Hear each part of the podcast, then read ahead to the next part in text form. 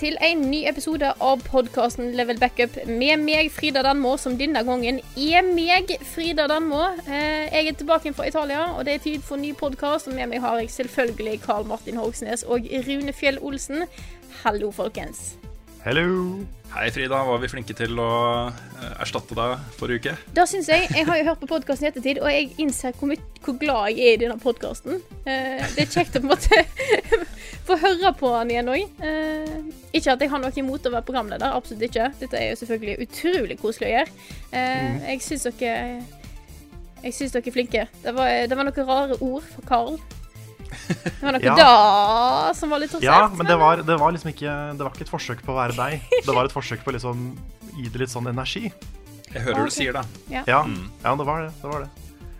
Men, Ja, men det eh, nei, men jeg skjønner hva du mener. Jeg vurderer å liksom Jeg vurderer å ikke være med flere ganger, sånn at jeg kan høre på podkasten.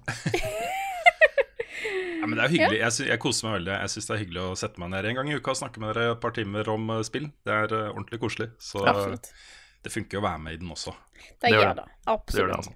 Det er veldig koselig. Men eh, ja.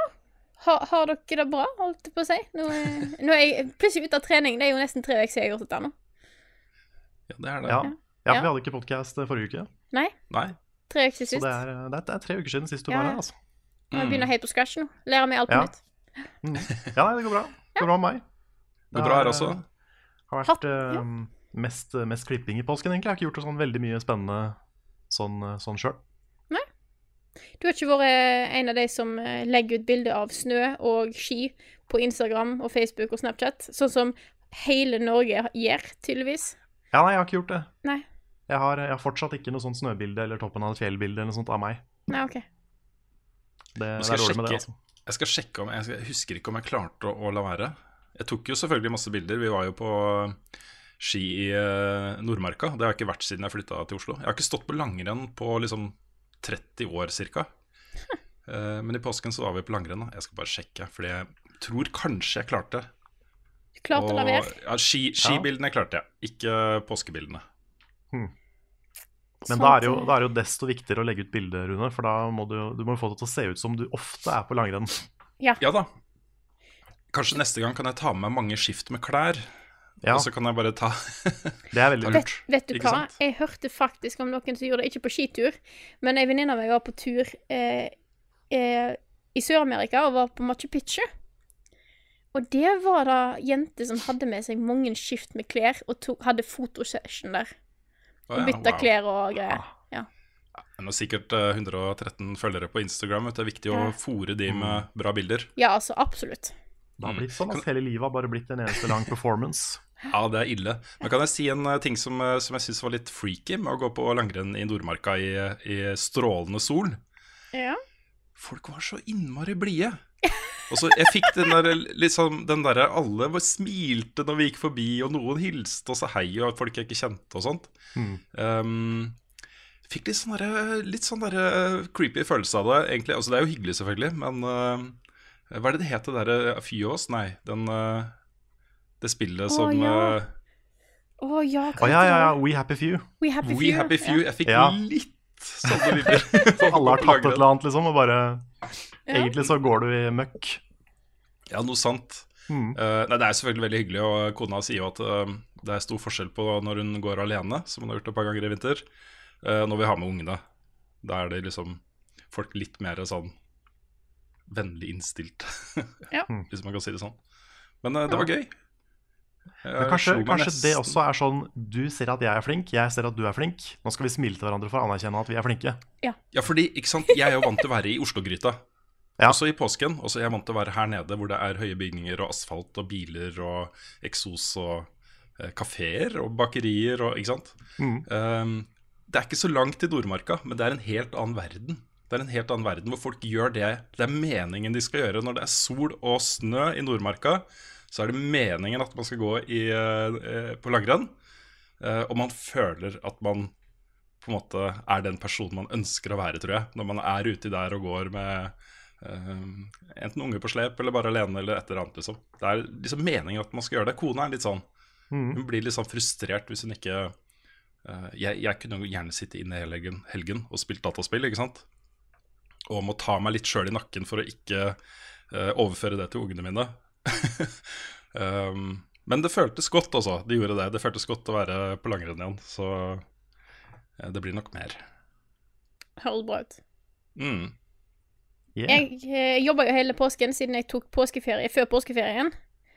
Eh, jeg ser jo jeg har fått spørsmål. Til og med kan jo egentlig bare ta det spørsmålet for å gi det bare sånn Ha det litt på det, på, på det tørre og greie. Liksom, det er spørsmål her fra Øystein Sørheim som, lurt, som skriver jeg Tenk det å være hyggelig å spørre Frida om hun hadde en fin tur, og hvor i Italia hun var.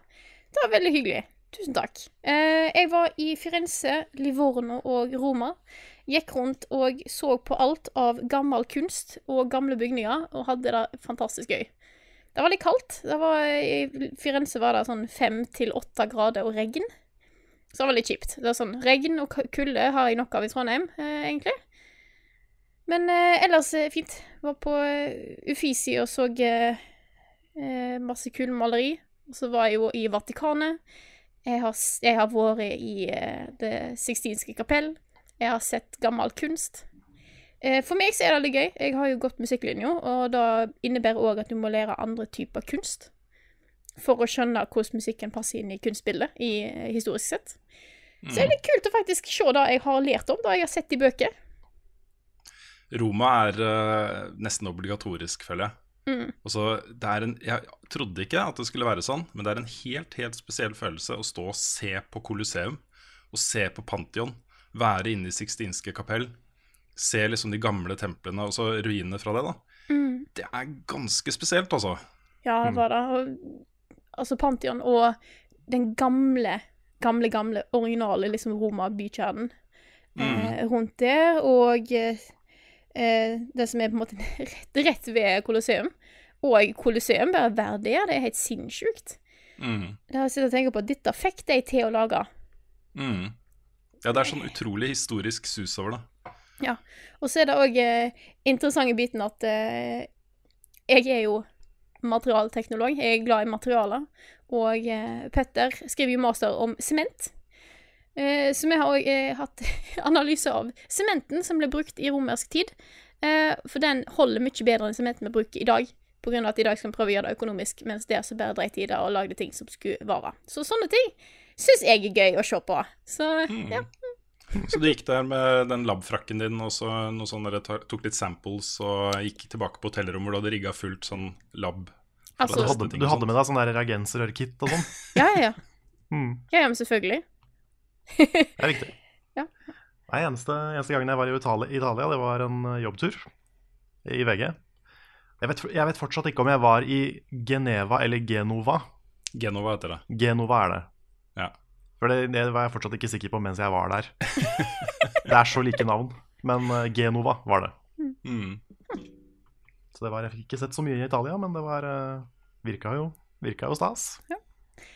Jeg var jo der på sånn Assassin's Creed-tur. Ja, det var det jeg også var.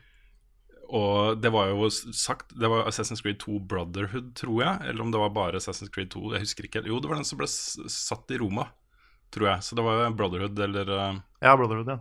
Ja.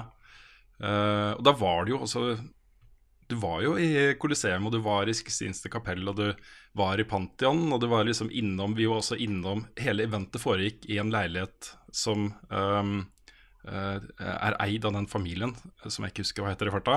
Den eh, veldig innflytelsesrike familien som følger litt Assassin's Creed 2-trilogien.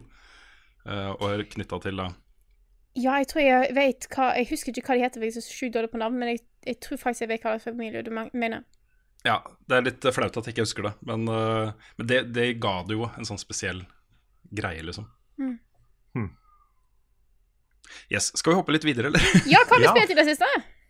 Hei. Hvem, eh, hvem skal begynne? Nå begynner Rune, for da blir tradisjon, og det er enkelt. Vær så Ja, okay. Jeg kan, jeg kan begynne med noe jeg ikke har spilt, men har sett på kino. Eh, jeg så jo Ready Player One mm. på den nye Odeon Imax-kinoen i Oslo. Men jeg så den ikke i Imax-salen. Der gikk den i 3D, og jeg er fortsatt sånn ikke så veldig glad i å se på 3D. Men det er veldig veldig fin kino. Anbefaler den varmt også. Det er bar der, så man kan hygge seg litt i forkant og etterpå. Eh, veldig bra bilde, veldig bra lyd og bra seter, så anbefal den. Og filmen også var jeg veldig veldig fornøyd med. Um, det, jeg ser det er en del som reagerer på at, uh, at uh, Steven Spielberg og de manusforfatterne har endra en del fra boka. F.eks. så er det en lang scene fra, som er satt til Ondskapens hotell i filmen, som ikke er med i boka. Og en del andre referanser som er uh, dumma litt ned, og så gjort litt mer tilgjengelig for folk. for min del så er jeg bare Det forstår jeg kjempegodt. Steven Spielberg har lagd en film som funker. Og det er mye av det som er i den boka som ikke hadde funka like godt på film. Så for meg så funka den kjempebra. Jeg syns det var gøy å ha med kona og se at hun koste seg med et spill som var smekkfullt av spillreferanser og nerdereferanser. Uh, En film, tok jo ikke Hm? Ja, En film, ja. Beklager, beklager. Um, uh, og hun syntes det var en bra film, og det er jo fordi det var en Steven Spielberg science fiction-film, ikke sant? Mm. Så, så den ja, koste meg veldig. Det eneste som jeg syns var litt billig, var måten han eh, liksom viste hvordan folk var i VR på da, i fremtiden. Eh, du så liksom alle de klisjeene med at de hopper rundt i stua si og ramler bakover og eh, står og veiver, liksom. det kommer ikke til å bli sånn, tror jeg, da. Nei. Nei. Ikke så langt inn i fremtiden. Nei, jeg er enig. Da har de sikkert klart å fikse noe lurt. Ja, også litt sånn der dissonans også, fordi eh, han bad guyen i, i eh, filmen, han sitter jo inne i en sånn kukong uh, som stimulerer liksom kroppen til å tro den beveger seg, da. Og så han sitter, ligger jo bom stille. Det er det Det Ja. er mer Det er nærmere, ikke sant. Ja, det er helt Så sant. ja. Kanskje det er billigversjonene? Kanskje det er det som inni disse Ja. Ja, kanskje det. Kanskje det er første generasjon. Ikke sant? De har ikke råd til uh, alle Det, det kan jo for så vidt hende, da. Det kan jo hende det skjer. Ja. Vi bare fyller inn law for eh, Steven Spielberg. ja. Ikke sant? Bare spør Eh, oss, eh, Steven. Vi fikser det.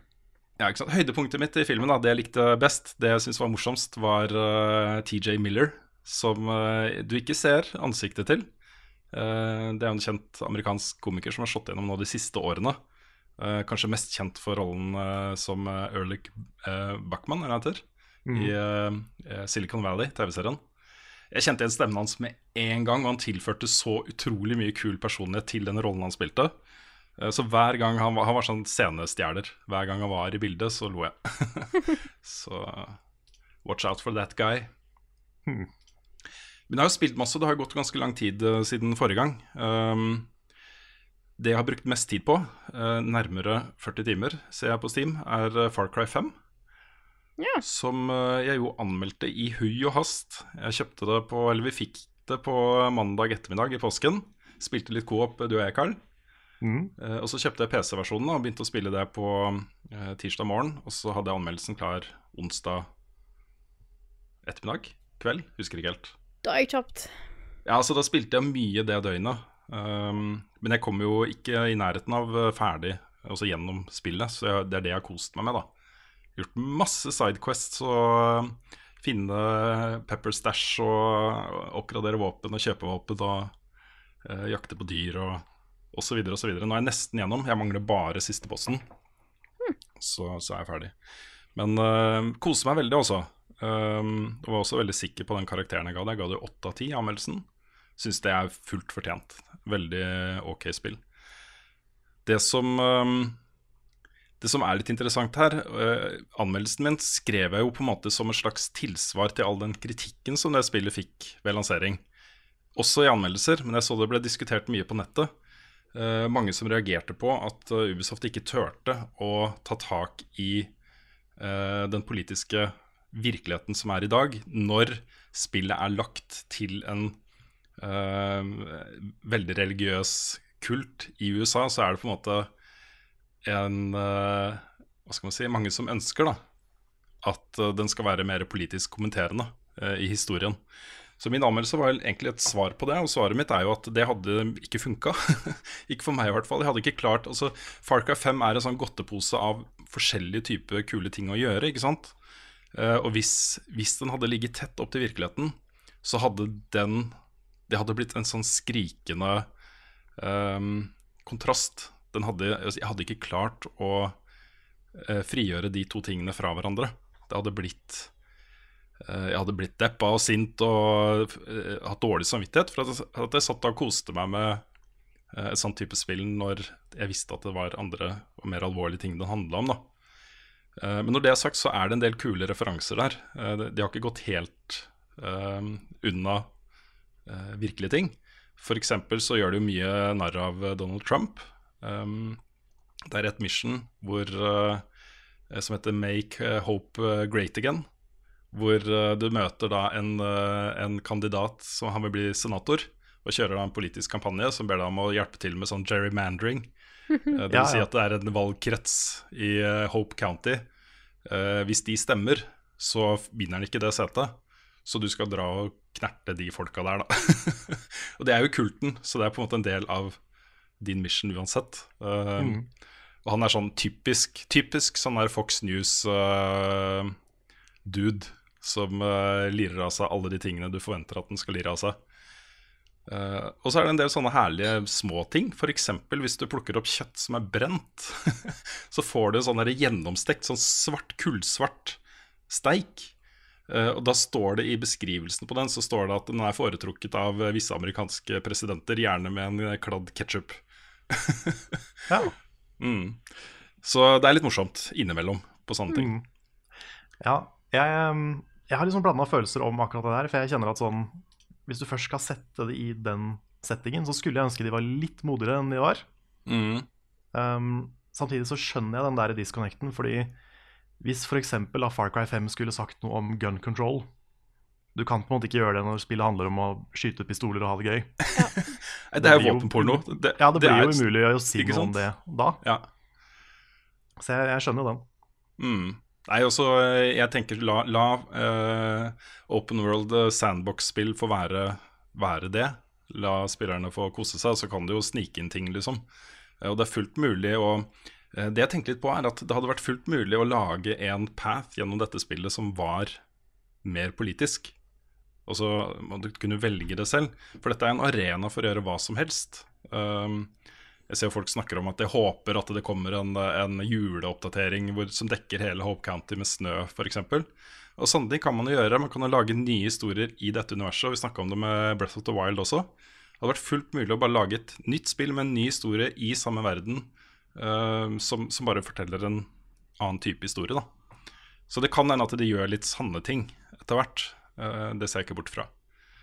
Men i hvert fall uh, fram til nå så koser jeg meg innmari med det. Eh, hyggelig spill. Jeg har jo også spilt um, A Way Out. Jeg skal ikke snakke så mye om det, fordi det har jeg gjort mye i påsken. Jeg spilte jo det gjennom sammen med Nick, uh, og lagde først en anmeldelse. Uh, og så uh, fant jeg ut at ved et mirakel så var alle opptakene Og det var tatt opp via opptaksfunksjonen i PlayStation 4. Uh, ved et mirakel så var alle opptakene ok. så jeg hadde hele spillet, jeg hadde hele playthroughen med meg og Nick på video. Uh, så da satte vi der og klippte den ned i ti episoder, og det var da vår påskekrim den påsken her. Ti episoder med meg og Nick som spiller uh, A Way Out. Så det var også en kul opplevelse. Det var også en sånn opplevelse som varierte litt. Den var, den var ikke like bra hele veien, men slutten er legendarisk, vil jeg si. Slutten er, Alle som har vært igjennom slutten på det spillet, vet hva jeg snakker om. Det, er, uh, det var en uh, utrolig kul opplevelse, altså. Oh yeah. Yes. yes. Det var vel, det var vel meg. Ja. Ja. Ja, nei, jeg, jeg, jeg kan jo begynne med å si det jeg har spilt mest, og det er jo Nino Kuni 2. Eh, anmeldelsen av det er ute sannsynligvis eh, før den podkasten er ute. Det er den lengste, den lengste anmeldelsen jeg har laga noen gang. Jeg hadde veldig mye på hjertet. Jeg måtte bare få ut alt. Noen ganger så prøver jeg liksom å begrense meg litt. Eh, få fram det essensielle av det jeg mener, for at ikke anmeldelsen skal bli for lang. Andre ganger så bare kaster jeg alt på veggen og bruker alt. Og det var, dette her var en sånn video. Så um, ja, jeg har, eh, jeg har blitt veldig glad i det spillet. Av veldig mange forskjellige grunner. Um, men uh, det har blitt et skikkelig høydepunkt, altså, sånn allerede i år. Så har uh, Monster Hunter og Nino Kuni 2 De kommer mest sannsynlig Kanskje, jeg vil si, Så å si garantert kommer de til å være på lista mi på slutten av året. Mm. Det er veldig, veldig veldig bra spill. Jeg synes, eh, jeg har jo sett eh, en eh, Det var jo ikke en rough draft, det var jo nesten ferdig versjon av Nesten anmeldelsen din. Ja. Eh, jeg syns det er litt morsomt hvordan den følger opp de tingene du har snakka om tidligere, også i podkasten her. At du har, du har så sansen for folk som er mer sånn essay-tilnærming til å snakke om spill. Mm. Og film og andre ting, da.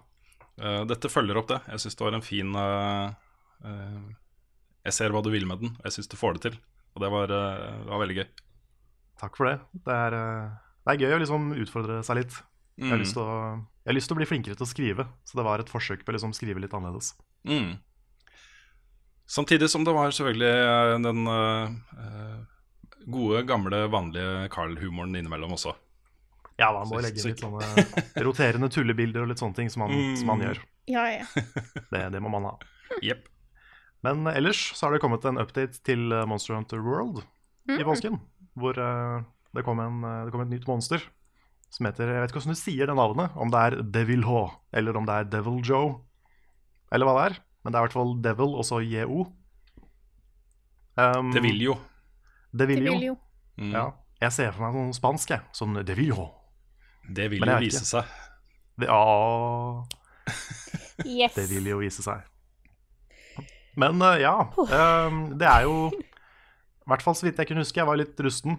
Jeg hadde ikke rørt Monster Hunter siden, eh, siden jubileet vårt. Men eh, det, var en, det var en tøff fight. Um, men jeg syns det er kult å se at de kommer med gratis oppdateringer som faktisk legger til litt nye, store, kule ting i spillet. Så det ble en, sånn, det ble en stilig sånn endgame challenge. Og Nei, det var gøy. Det var veldig gøy. Ellers så har vi jo spilt um, Vi spilte jo litt Detective Pikachu på stream i går. Uh, det funka ikke så veldig bra på stream, merka vi. Nei. For det var veldig mye tekst. Og jeg prøvde Mm. liksom å få med meg uh, storyen, få med meg hva dere prata om. Endte opp med ikke klare å få med meg noen av delene. Så eh, det er nok heller et spill jeg burde spille sånn på, på egen hånd. Mm. Men det var jo ikke Det var ikke verdens beste førsteinntrykk, kjente jeg. Det var for det første um, ikke så weird som jeg, skulle, som jeg hadde håpa det skulle være. For når du har liksom Pikachu med sånn der mørk mannestemme, så er det litt morsomt. Men så gjorde det liksom ikke så mye med det. Og så uh, Og så var jo de oppgavene Det er sikkert fordi det er starten av spillet, men de var veldig lette. Det var jo Vi fant en svart fjær. Og Pikachu spør hva tror du det betyr. Og så er svaret eh, du får to valg. Det ene er en Pokémon med fjær, og det andre er en hard Pokémon. Jeg Ja. tenker Når det er på det nivået der, så, så blir jeg litt sånn Mm. Det er sånn, altså Du kan være tre år og, og ta den riktig, liksom. Så um, jeg håper ikke resten av spillet er sånn. Mm. Nei. Jeg hadde Så- håpa at det skulle være litt morsomt. Litt sånn sjølironisk og litt sånne ting. Men uh, får se. Tenkte å spille det litt til og så se hva, hva det dreier seg om. Men, uh, men ja, jeg har spilt litt andre småting. Men uh, jo, jeg har jo, jeg har jo testa PubG på mobil. Oh, ja. Oi! Og uh, selvfølgelig så var jeg den beste i verden i, Du på, ble- på ble- PubG. I mo ja, ja. Chicken dinner? Chicken dinner, åtte kills. Ja. Og selvfølgelig bare mot menneskelige spillere. Ja, ja. Mm. ingen botter eller noe sånt lureri på, på mobil. Nei, nei, nei. Det, her, det har vært den, den morsomste sånn Facebook-tingen, syns jeg, da, eh, så langt i år. Folk som poster bilde av hvor flinke de er i PubG på mobilen, og hvor de klarer å få chicken dinner på første forsøk. Ja, ja. Ja, det har det har det vært mye av. Jeg, det er ikke meningen å disse noen her, altså. Jeg skjønner at man blir glad for det. Ja, ja. Men, uh, Altså, første, første impuls er jo bare 'holy shit, dette her fikk jeg til'. Mm. Ja. Uh, og spillet sier jo heller ikke at det er botter i spillet. Nei. Men uh, det blir jo tydelig etter hvert da, at det er det. At det er Mm. uh, ikke ekte spillere du spiller mot i starten. Mm. Men etter hvert som du går opp i rank, så får du flere og flere human players, da. Nettopp. Så vidt jeg har skjønt. En smart måte å introdusere sånt spill på, syns jeg, på mobil. At du ikke bare kastes rett ut i eh, gjengen med, med autister som eh, bare fikser det der. Vokste opp med mobiltelefon. De fikk en plassert mobiltelefon i hånda da de kom ut av moren sin, Mm. og bare kan den ut og inn, ikke sant. Ja.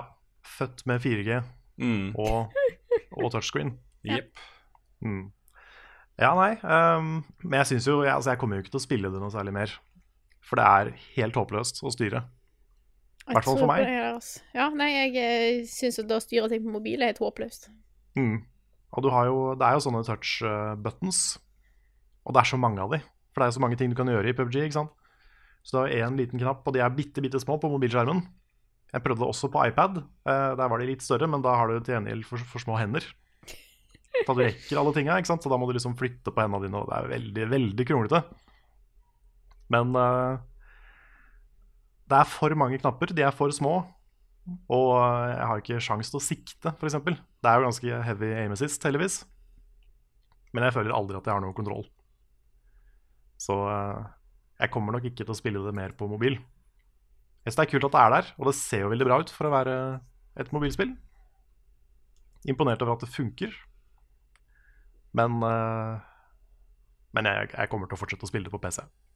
Jeg syns det sier noe om hvor eh, mobilplattformen er nå. At både PubG og Fortnite har kommet på mobil og blitt bestselgere.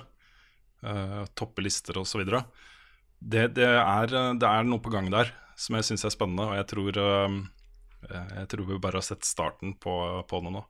Mm. Så Mm. Hvis noen lager et sånt Battle Royale-spill som er uh, designa fra scratch for mobil, Ikke sant? da Tenk det, det veldig bra. Tenk det. Jeg har en, eh, det er fullt mulig å gjøre det med utgangspunkt i både PubG og Fortnite. Kanskje først og fremst Fortnite. Mm. Um, hvor du bare tar liksom items og ting fra det spillet og så lager en helt ny mobilopplevelse. Mm. Uh, det jeg tenker er på en måte den viktigste trendtingen av dette her, er massivt multiplayer. Hvor du spiller liksom multiplayer mot mange andre mennesker på mobiltelefonen din. I litt Mm. sånn avanserte settinger og, og sånt. Det er, der er det så potensial. Altså. Der kommer det til å skje masse greier. Garantert. Ja. Mm. Jeg venter fortsatt på det første ordentlig bra um, multi, altså massiv multiplayer eh, Battle Royale-spillet uten guns. Mm. Altså med close combat. Ja. Og feller og stealth og takedowns og Mm. sånne ting. Det har vært kjempegøy. Og sånn her Souls intense combat. Mm. oh, ja, sånn ja. Mm. ja. Det Det hadde vært kult. Det hadde vært helt konge. Det hadde jeg spilt for alltid.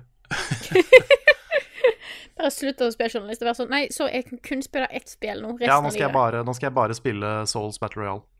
Men det er jo mulig, altså hvis, du tar, hvis du tar kampsystemet fra Er det Infinity Blade det heter? Fra Chair Games. Det er sånn serie med one-on-one battles i, med sverd og sånne ting. Hvor du bare swiper sånn og sånn forskjellige veier og sånt for å gjøre forskjellige moves. da Mm. um, Kanskje kombinert det med noe et eller annet. Kanskje. Mm. Mm. Men eh, ja, ellers har jeg, jeg pusla med mye forskjellig i påsken, men jeg har ikke, det er ikke så mye som er, eh, som er verdt å ta opp, tror jeg. Så da, da kan du ta over, Frida. Da gjør jeg det. Jeg kan eh, først si at jeg har eh, tatt eh, Jeg nevnte det litt på streamen i går. Jeg tok eh, anbefalingen til Rune og sett Annihilation. Og jeg kan òg eh, bekrefte at det er en bra anbefaling at alle bør se Annihilation. Alle har, nesten alle har tilgang til Netflix nå, så ingen har en unnskyldning. Egentlig. Den har jeg tenkt mye på etterpå, altså. Jeg Ja, tar meg sjøl i å liksom plutselig bare driver jeg og tenker på en eller annen scene fra den filmen. Mm. Jeg er helt enig. Jeg skal ikke snakke så mye om han, eh, siden vi har eh, Rune har snakka litt om han før, og jeg eh, vil ikke snakke så mye om han, egentlig. Jeg vil at folk skal se han. Oppleve. Mm. Men jeg har eh, Ja, jeg har jobba litt med Celeste-innslaget, som endelig ble ferdig etter Gud, hvor lang tid det har tatt. Men jeg har jo òg spilt litt greier.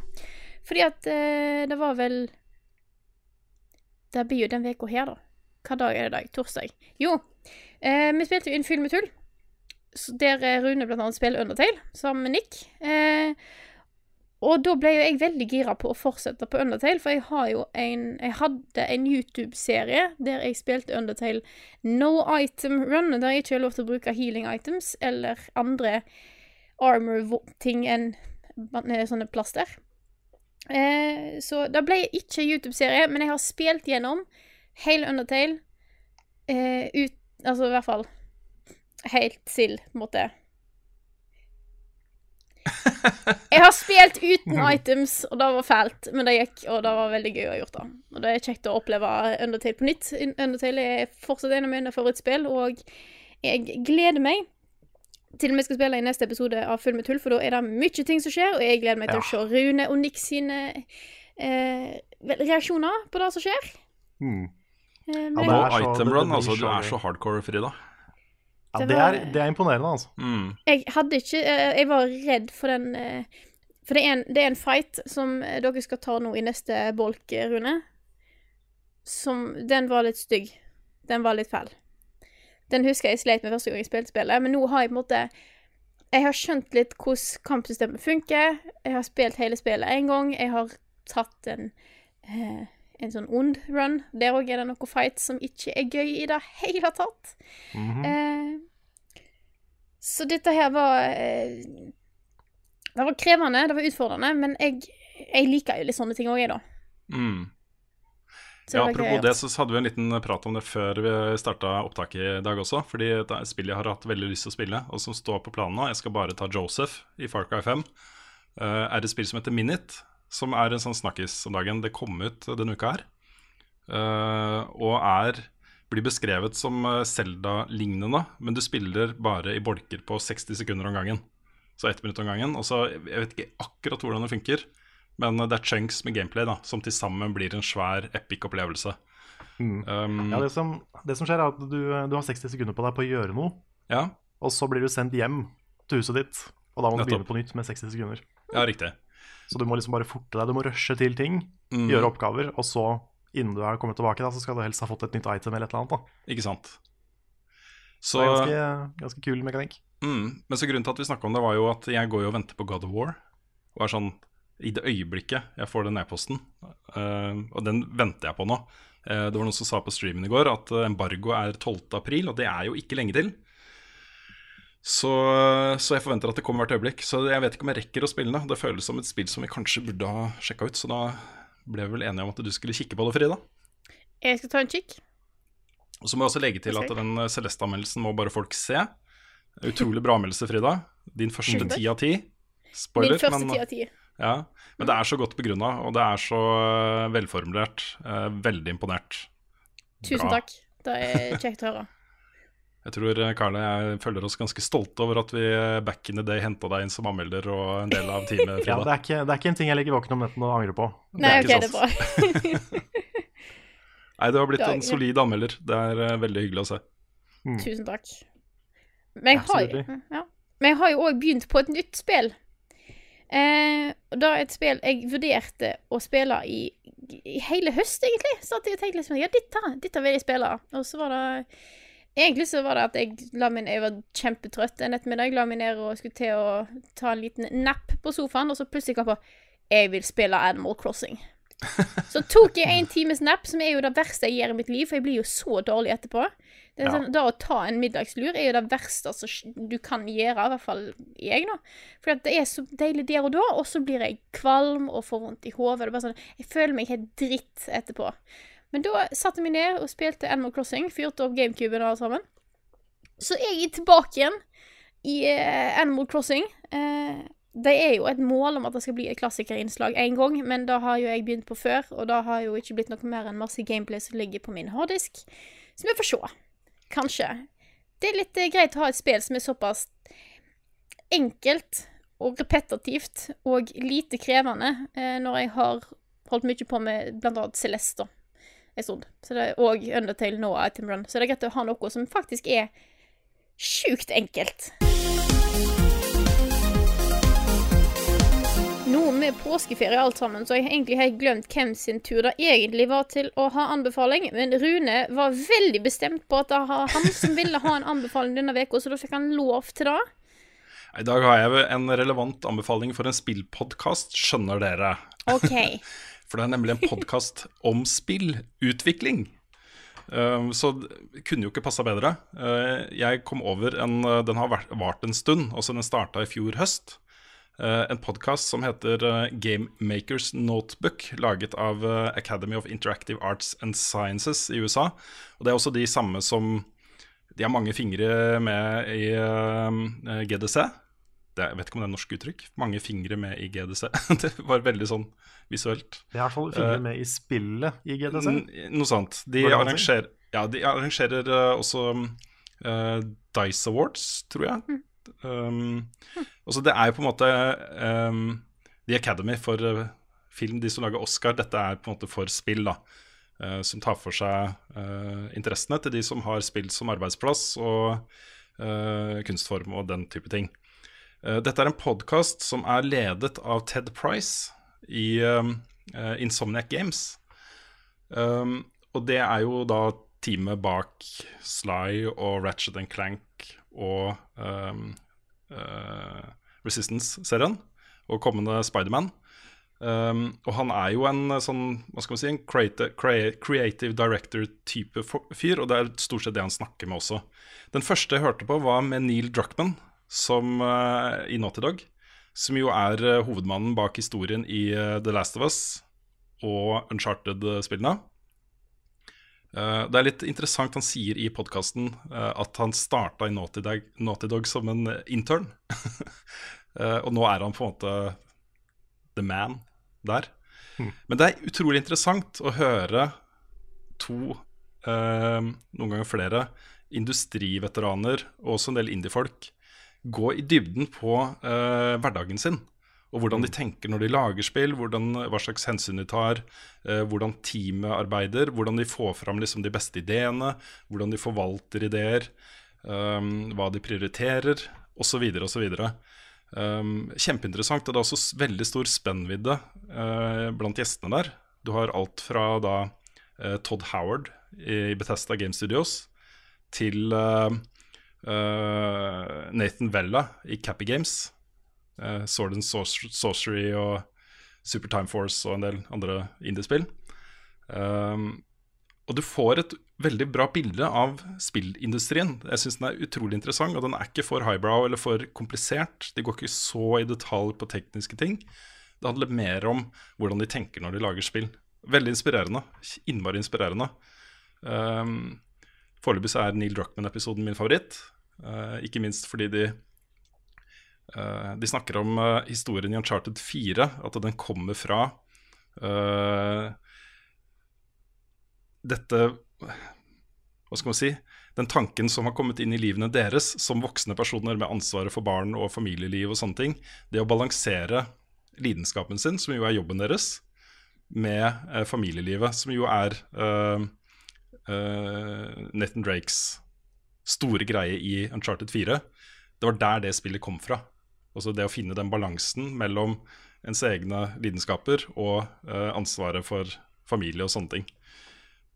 Det blir interessant, altså. Kjempespennende.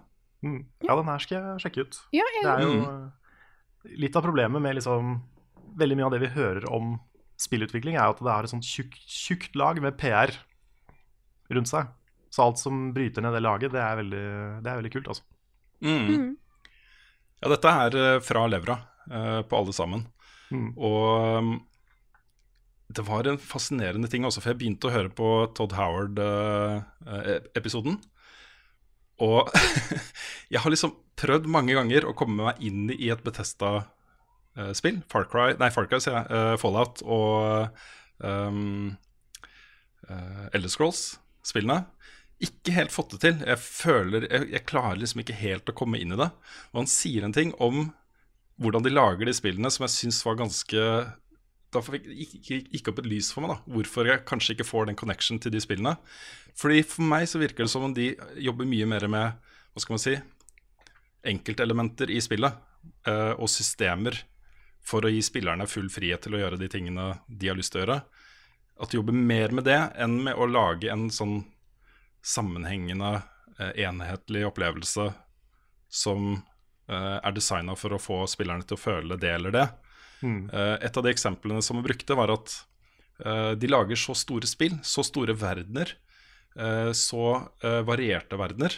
Alle de spillene de har lagd i nyere tid, fra Morrowind, har vært store nok, sa han, da, Todd Howard, til at de kan ta hensyn til alles ideer. Hvis du, har, hvis du, er på teamet som lager det spillet og har en idé til et eller annet i dette spillet, så sånn, da er det mer eller mindre bankers at det kommer med. De finner en plass til det. Uh, og det skaper jo massevis av utrolig kule sånne enkelthendelser rundt omkring i disse verdenene. Mm. Uh, men det gjør det kanskje litt sånn fragmentert da, for noen. Uh, ja, ja, det, det, er sant. Det, er sånn, det å spille Skyrim er veldig annerledes enn å spille mer sånn regisserte opplevelser. Det er sånn Det er jo virkelig en, sand, en sandkasse. Mm. Hvor du kan jo bare snuble over en Quest hvor du drikker deg full med en dude, og så må du finne gearet ditt dagen etterpå. For Ikke? Ja. Så det er jo en uh, Ja. Men det er ikke et sånt spill hvor du blir I hvert fall jeg, blir aldri, jeg har aldri blitt knytta til en figur i Skyrim, f.eks. Mm. Det er jo ingen av de NPC-ene eller de figurene som har vært spesielt minneverdige for meg. Mm. Det er jo de opplevelsene man, opp, man lager sjøl. Ja, det, er det, det er det jeg tror jeg trenger i et, et spill med veldig store verdener og mye frihet. Um, det er jo derfor jeg er fryktelig glad i GTA-spillene, f.eks. De er innmari flinke til å lage både minneverdige hovedroller og uh, biroller. Uh, og det samme med Far Cry 5 også.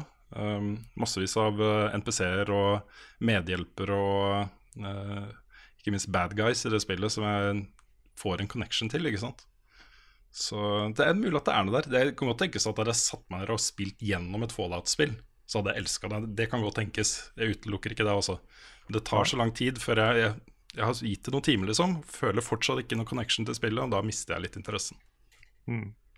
Ja, jeg, jeg, tror, jeg tror det tok meg ca. to-tre timer å bli uh, hekta på Skyrim. Mm. Men da spilte jeg det i 100, og så Ja, plutselig så ville jeg aldri røre det igjen. Det var sånn 100 timer, og så stopp. Mm. Greit, men hvis vi skal søke opp den podkasten her, den ligger overalt, eh, så heter den da Game Makers Notebook, men den heter også Fulle navnet er eh, The AIAS Game Makers Notebook, bare så man er klar over det. Eh, og AIAS står da for Academy of Interactive Arts and Sciences. Og da får Rune lov til å bare fortsette med nyhetene sine, da. Ja da, det blir jo en eh, ren forlengelse av eh, ukens anbefaling. Fordi eh, Insomniac Games, som da hosten for Gamemakers Notebook kommer fra, Ted Price De to toppsakene denne uken handler om spill fra Insomniac Games. Og Den første er at nå Amazon, er- Hver gang så er det Amazon. Etter en eller annen side på Amazon som har kommet ut for tidlig. Og denne gangen er det da for Spyro Reignited Trilogy, altså de tre første Spyro-spillene, som jo Insomniac eh, lagde back in the day. uh, står det har fått sin egen page med screenshots og greier. Så det er jo mer eller mindre bankers, og det ryktet har gått en stund. Så er ingen som ble overraska over det. Jeg så jo noe riktig om at det skal komme info om det i dag, mellom fire og fem. ja, så sånn så det kan godt tenkes. Det kan godt tenkes. Vi kommer ikke til å lage noen update av podkasten av den grunn. Jeg, jeg regner dette her som eh, ute av rykteboksen eh, og bekrefta. så så får vi se. Tipper det kommer til sommeren eller noe sånt. det. Jeg vet ikke. Eh, det er vel teamet bak Skylanders som, som lager denne remaken. Så det var den Da- ene in Hva skulle du si, Karl? Ja, Da blir jo spørsmålet om du kan bruke Skylanders i det nye Spyro. Om du kan få bonuser av å bruke Skylanders-figurer. Åh. Kanskje de tar en Amibo på det. Det kan godt tenkes. Hadde ikke blitt overraska. Nei. Eh, det var den ene Insomniac-saken. Den andre uh, er at Spiderman, som de nå jobber med, har fått release releasedato, og det er 7.9. Dette er jo et PlayStation 4-eksklusivt uh, spill. Um, og litt sånn tilbake til Gamemakers Notebook, en av de tingene som Ted Price uh, og Neil Druckman snakker om. Um, nei, ikke Neil Druckman, det er Nathan Vella da, i Cappy Games. Uh, de snakker om at det er uh, på en måte to forskjellige typer spillstudioer. Er- Den ene er uh, den type studioer som spesialiserer seg på noe. En, om, enten om det er en tone eller en gameplay-sjanger eller et eller annet, og så blir mestere av det. Og så har du de som gjør forskjellige ting. Og Insomniac har jo vært det siste.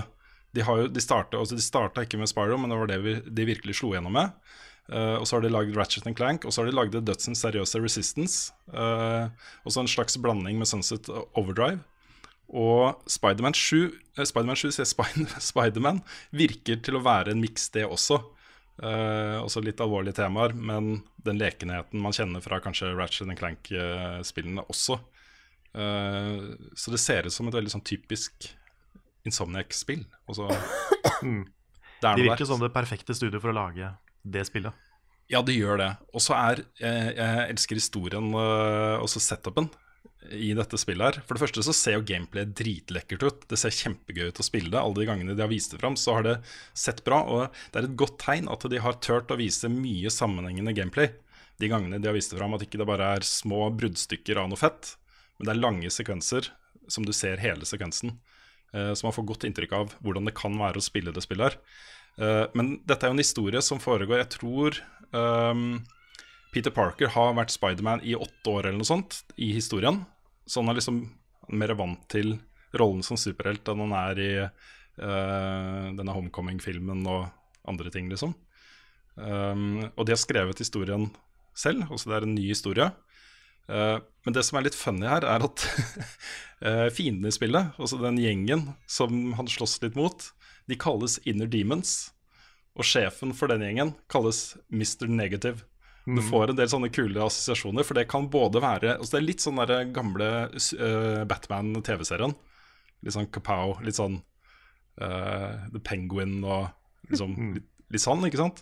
Men også mulig å gå uh, litt spennende veier med det. med Det er, jo, det er jo veldig Spiderman å utforske litt sånne indre vanskeligheter og dilemmaer. Ikke sant? Eh, og jeg tenker også når han har blitt eldre, han er jo 24, tror jeg, i det spillet her, så åpner han opp en del muligheter som jeg gleder meg til å se hvordan de løser. Så um, ja. Ja, Dette kan bli et av årets store spill, altså. Det kommer da 7.9. på PlayStation 4, eks eksklusivt. Um, står høyt på min liste, i hvert fall. Mm. Greit, kan hoppe litt videre. Uh, det kommer nå en patch til Krono Trigger på Steam. Det gjør det. Det var, det var godt å se, altså. Nå har jo fans allerede gjort ganske mye Ja. for den versjonen. Um, så de, de kunne jo sagt det litt tidligere, så slapp de å gjøre den jobben. Mm. Men, uh, men det er bra det kommer. Det er bra, bra de gir muligheten til å spille på den gamle, gamle visuelle stilen, i hvert fall. Mm. Dette her er jo et eh, konkret resultat av reaksjoner. At folk reagerer og sier ifra at dette er ikke greit, Square Enix. Bare fiks det. Mm. um, den patchen vil jo da først og fremst, uh, i første omgang, um, bare legge gamle, den gamle originale grafikken oppå, sånn at ikke det blir den miksen som er ute nå. Og de hadde jo sikkert bare sett for seg at de kan gi ut Kronotrigger. Det er mange som har lyst til å kjøpe det, liksom. og Det er gratis penger. Så det er bra de må gjøre litt med det. Det er det. Og det, det verste med den versjonen, det er at den bruker interfacen til mobil. Mm. Eh, Med liksom touch controls og stygge menyer og bare alt mulig drit. Men, eh, men jeg har lyst til å si at liksom, hvis de klarer å fikse den versjonen ordentlig, sånn ordentlig, ordentlig, at den er, den er en ordentlig god versjon av Kron Trigger, da syns jeg vi skal streame det. Ja da. Ja. Det, vi trenger ikke å hate Square Enix for resten av livet fordi de har eh, gitt ut en dårlig versjon av et spill mange elsker. Nei, det gjør man ikke. Nei, Men jeg det er håper de gjør det samme nå med Final Fantasy 5 og 6. For de har akkurat ikke de samme problemene. Ja. Mm. Det er så dumt, fordi at du har jo du har spill som funker bra på mobil og PC. Uh, du, altså for eksempel Rains er jo både på mobil og på PC. Det er litt sånne ting, da. Men du kan ikke bare sette det over bare sånn Ja, det er greit. Nei. Nei. Nei, og de, det virker som For de har gjort ting, men de har gjort feil ting. Mm. Det, det virker som det er ikke det at de ikke bryr seg, de er bare inkompetente. altså Det er kanskje det høres slemt ut, men det er altså måten de liksom håndterer sprites på, måten de håndterer Super Nintendo-grafikk, hva de gjør med det for å oppskalere til PC, det er bare feil. Altså Det gjør at stilen Altså det gjør at tiles i grafikken ikke matcher lenger. Så du ser jo liksom sømmene i grafikken, som er helt Det går jo ikke. Vi har satt interns på det. Ja, ja, de har satt en eller annen som ikke forstår pixel art, til å fikse pixel art. Og det, Yeah. det, det, det er veldig tydelig at de bare, det er noen her som ikke har visst hva de har gjort, hva de skal gjøre i det hele tatt. Så det er, jeg tror ikke det er at ikke de, eller jo, det er jo det at de ikke bryr seg, siden det ikke har vært noen kvalitetskontroll. Men det er også det at de ikke forstår hva de må gjøre. Ja, det er sant. Det er bra de har prøvd å fikse det litt nå, da. Mm. Jeg hopper videre til um, uh, Middle-earth, Shadow of War. Som jo har fått utrolig mye pepper fordi det hadde et uh, mikrotransaksjon Transaksjon? Transaksjon og, uh, og lootbox-system. Da, Mhm. Der Y-en kom fra. System. Ja, ja. Um, I spillet. Et singleplayerspill. Hvor du kunne bruke ekte penger for å kjøpe deg gear, Mm. rett og slett. Du må, må ikke selge mikrotransaksjoner før bjørnen er skutt. Nettopp. Um, det fjerner de i mai. Og det er liksom sånn Ja, det er fint de fjerner det, men uh, hvor mange mennesker er det som uh, får glede av det, da? Det er jo, Jeg vil tro at hovedtyngden av de som har, lyst til å spille det spillet, allerede har spilt det en stund. Mm. Um, så jeg, vil klarer liksom ikke å, Bare yay, good guys igjen. på Nei, det det er vel litt sånn nå er det ingen som kjøper dette lenger, så nå kan vi fjerne det for å virke som good guys. Ikke Ja. sant? Kanskje? Eh, Samtidig så er det jo et litt sånn tegn i tiden. Jeg tror det er en trend nå for å være mer forsiktig med hva slags type mikrotransaksjoner og lootbox-systemer du har i store spill. Så får håpe at, eh, at det varer. Det er jo eh, Det viser bare at det hjelper å bruke stemmen sin. Mm. Veldig bra folk har gjort det. Noen ganger tar det mange måneder før det skjer noe, Ja. men Men likevel, liksom, det, det, det funker å si fra. I mm, hvert fall hvis man sier fra på en ordentlig måte. Veldig viktig. Si fra på en ordentlig måte. Hvis du har et spill der du kan kjøpe skyer for små pengeamounts, blir det da en mikrotransaksjon? Oh. Uh. Noen må lage det. Det er eh, klassisk dad joke, Frida. Det er bra. Ja, Jeg, føler, jeg føler innf- innflytelsen Velkommen til bare- dad joke-verden. Ja, kjempebra, altså. Takk, Du takk. kan, også, du kan også bli en dad, Frida. Det er bra. Det, Det. er godt å høre. Det er, jeg kan ha det som et mål. Å bli en dad. Mm. Mm. det kommer en oppdatering til No Man's Sky til sommeren. Um, som eh, de kaller, Den har fått eget navn. Next. Egen logo. No Man's Sky Next. Um, Hello Games sier det er den største oppdateringen til spillet til nå, og det har jo kommet ganske store ting. Uh, de har fiksa Atlas Path, sånn, sånn at det har blitt liksom en ordentlig Quest.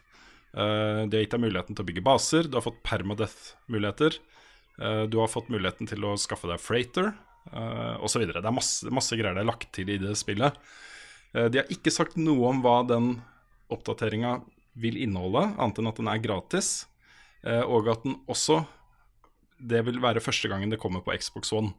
Så til sommeren så kommer det da en bokst versjon av No Man's Sky som heter No Man's Sky Next. Som du kan kjøpe i butikken også til Xbox One. Uh, den har jo vært eksklusiv på PC og PS4 fram til nå. Um, så da er det egentlig bare å spekulere. Jeg tror liksom de har en mulighet her til å gjøre såpass store endringer på spillet at det kan vinne over en del naysayers fra, fra launchen. Uh, det er et, uh, et system uh, de har i bunnen her som har potensial til så utrolig mye rart. Jeg syns det er hyggelig at de At de ikke har gitt opp i stormen av kritikk. At de prøver å lage nye, kule ting til det spillet. Så det tror jeg blir mitt, uh, mitt comeback i det spillet, blir den oppdateringa. Jeg har vurdert det hver gang det har kommet en oppdatering, men nå, nå skal, jeg, skal jeg gjøre det. All right. Par, par kjappe nyheter eh, til slutt. Eh, Owlboy kommer på PlayStation 4 og Xbox One den 10. april. Det blir spennende å se hvordan de gjør det der. Ja, absolutt. Uh, det kommer også en boksversjon av det spillet i mai, så hvis noen har lyst til å vente på det, så kan det godt det. Eh, og så går det også nå noen rykter Det er så mange som har bedt oss om å kommentere det, så vi kan jo bare kommentere det kjapt. Det går rykter om at uh, utviklere også utenfor Sony nå har fått devkits, altså utviklerversjoner av PlayStation 5 eller den neste PlayStation-konsollen. Uh, og ryktene sier at kanskje den blir lansert neste år allerede. Um, jeg, jeg vil ikke si noe annet enn at det er rykter. Jeg blir ikke overraska hvis det stemmer, og blir ikke overraska hvis det ikke stemmer. Nei, altså sånn 2019-2020 er jo en eh, Det liner jo opp ganske bra med, med PlayStation-tidslinja. Ja, jeg vil mer lent mot 2020. Hvis det er neste år, så føler jeg det blir litt tidlig også. Men uh, Ja, når var det PS4 kom? Var det, var det 2013-14? La oss ta en liten Google-søk. Ja, Mens du sjekker det, Frida, så Yes. um, dette, dette handler jo om, som vi snakka om på streamen eh, på onsdag også, det, dette handler jo om 2013, ja. Uh, dette handler jo om at uh, tilgangen til datakraft vokser så voldsomt nå. Det kommer liksom Moores law hver 18. måned, så dobles datakraften. Det gjelder fortsatt. Og uh, behovet for hyppigere oppdateringer er ganske sterkt. Samtidig så er dette et kappløp som Microsoft og Sony har vært flinke til å fyre opp under på egen hånd ved å gi ut PS4 Pro og Xbox One X. Så eh, jeg vet ikke om det gjør seg selv noen tjeneste der, altså. Det Hvor, hvor kjapt kan de gi ut nye versjoner, nye kraftigere versjoner av konsollene sine før folk begynner å tenke at de trenger ikke å kjøpe denne, for om to år så kommer det en ny versjon, eller om ett år, eller ikke sant? Mm. Mm. Ja, nei, jeg håper ikke spillkonsoller blir iPhone. Vi tar og spicer opp podkasten litt denne gangen her, og sparer ukens spørsmål til slutt. Wow! Ja, jeg vet det. I dag er det helt, eh, helt crazy her i Level Backup. Mm. Eh, så da venter vi litt med det. Men vi kan jo begynne med et spørsmål som vi har fått, sendt, fått tilsendt av mange. Eh, blant annet Marius Renheide, Eskil Gjelde eh, og eh, Eskil Lundgaard. Alle er litt i samme stil. Eh, vi kan ta Eskil sitt her da, og spør om vi har noen gode tips til coach coop. Couch coop og parspill til konsoll, fortrinnsvis PlayStation 4. Eh, skriver at han har hatt suksess med Minecraft og Don't Starve Together. Eh, hva liker dere å spille med deres bedre halvdel? Ja. Ja. ehm, mine bedre halvdeler der blir eh, ungene. Ja. det er liksom sånn det er. Vi spiller, men vi spiller stort sett på Switch da når vi skal spille coop-ting. Uh, Mario Kart, uh, uh, nye Kirby-spillet, eh, Minecraft. ehm, og også Zelda og Mario. At vi bare sitter og spiller sammen. Eh, men han spurte jo litt spesifikt om PlayStation 4, om vi har fått det spørsmålet den gangen før. Og når jeg har svart på direkten uten å tenke meg om, så blir det også Ja, hva er det som egentlig er Jeg, er ikke, jeg bruker ikke den så mye til couch co-op.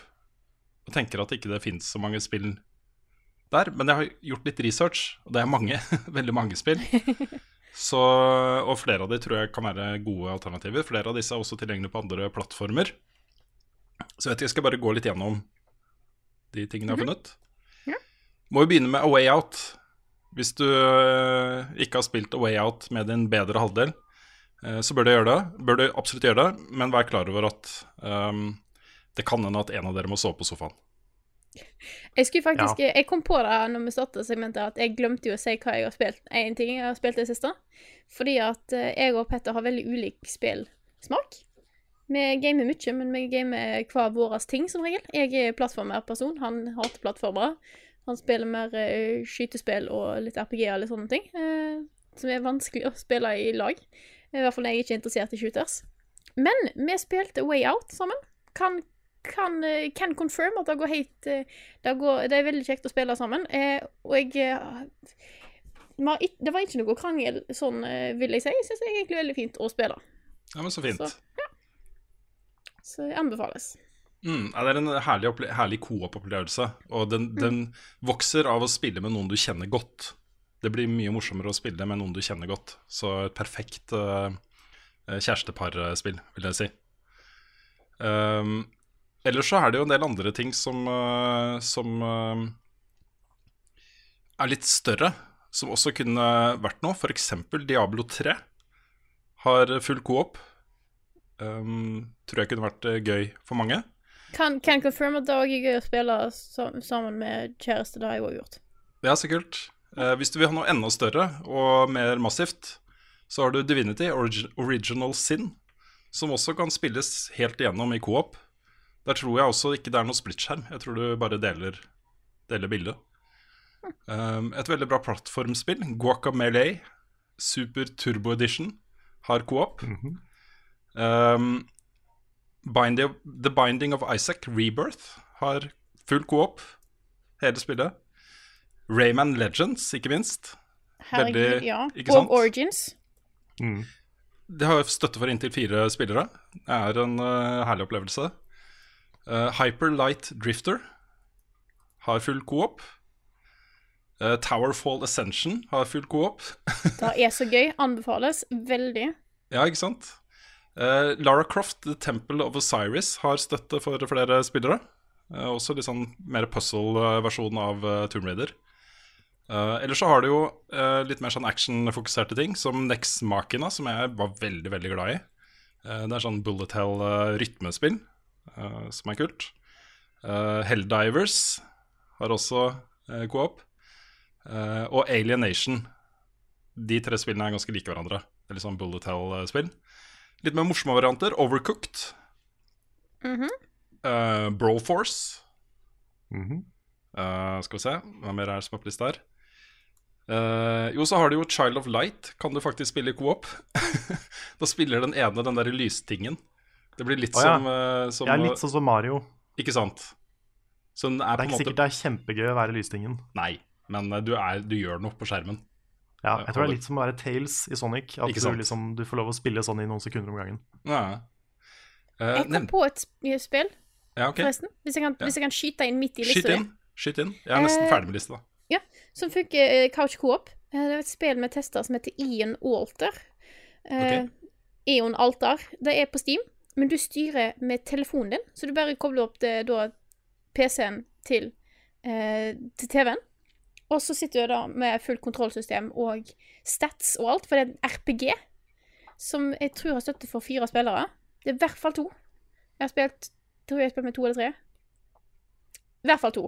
Eh, og da styrer du en karakter uh, som har sine egne objectives og egne uh, ting som skjer. Hvis du alene går bort og snakker med en person, så kan det være at dialogen kun kommer opp på din skjerm, sånn at den andre ikke kan se det. Det er litt sånne ting.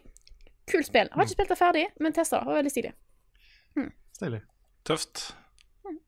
Jeg tror det siste spillet altså Jeg kunne jo nevnt masse sportsspill. Rocket League og Fifa og Madden og osv. Jeg gjør ikke det. Uh, men det, jeg husker ikke om jeg nevnte det eller ikke, men Overcooked, nevnte jeg det? Og jeg har allerede nevnt det. Ja. Mm. Da var jeg ferdig med lista mi. Ja. Det var et veldig bra tidspunkt for meg å skyte inn. da. Det var et Ja. eh, supert eh, tidspunkt. Kan, kan også anbefale å spille The Witness med noen, Mm, eller Cuphead. Men det er, det er vanskeligere å spille Cuphead i coop enn det er å spille alene. det er det. Men, eh, men The Witness er, det er veldig, veldig bra som et coop-spill, syns jeg. Mm. Jeg skal prøve også å huske å legge den lista her inn i beskrivelsen uh, til denne podkasten. Sånn at hvis, uh, hvis det var noe sånn Å, hva er det det spillet de snakka om igjen? Hva er det det het for noe? Så eh, skal du finne det i beskrivelsen. Jeg tar også og legger det inn i det, det manuset allerede nå, så glemmer jeg det ikke, håp- håper jeg. Ja da. Men det er jo gøy å spille couch co-op. Og det har liksom vært et inntrykk av at uh, hvor har det blitt av alle couch co-op-spillene? Og det er jo ganske mange av dem, egentlig. Det må bare være eh, kanskje litt eh, klar for å spille noe som er litt utenfor uh, for allfarvei, da. Ja, det er ikke, de store trippel A-spillene har ikke nødvendigvis couch co-op lenger, bortsett fra Nintendo er jo vært flink med det, i hvert fall Mario Kart og sånne ting. Eh, Mhm. Mario Kart og Smash og sånne ting. Eh, men ellers er det ikke Det, det er mest indiespill som tar den retningen nå. Mm. Det er det. True that. Men da tror jeg vi kjører på eh, videre med neste spørsmål her. Vi har fått et spørsmål fra Arne Jakob Sørbø. Han har først en liten melding der han skriver Hei sånn til dere i Level Up. Før spørsmålet vil jeg bare si at jeg har fulgt med på Level Up helt fra starten av, og jeg syns at det nå er bedre enn noensinne. Etter at Carl, Frida og resten av gjengen ble med, har Level Up blitt noe jeg nesten trenger minst en gang i uka. Og Nick, da, måten han eh, lever seg inn i rollene på streams, spesielt skytespill, herregud, helt nydelig.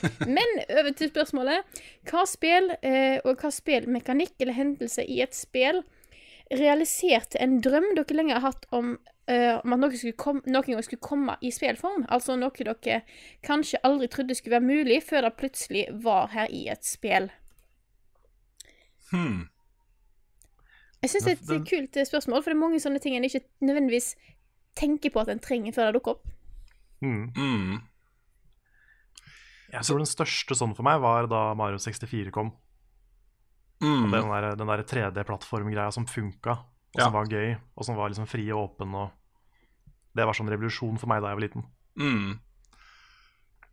Jeg, jeg tror det er mer den type Det er kanskje den største revolusjonen i spillmediet, tror jeg. Også overgangen til 3D. Mm. Uh, for min del så handler, handler det mer om iterasjoner, tror jeg. Ting som blir gradvis bedre, og som noen enkeltspill tar liksom mange skritt videre, da. Um, Doom var jo et sånt spill. Doom og Quake, faktisk. Begge de to. Eh, jeg var veldig glad i skytespill.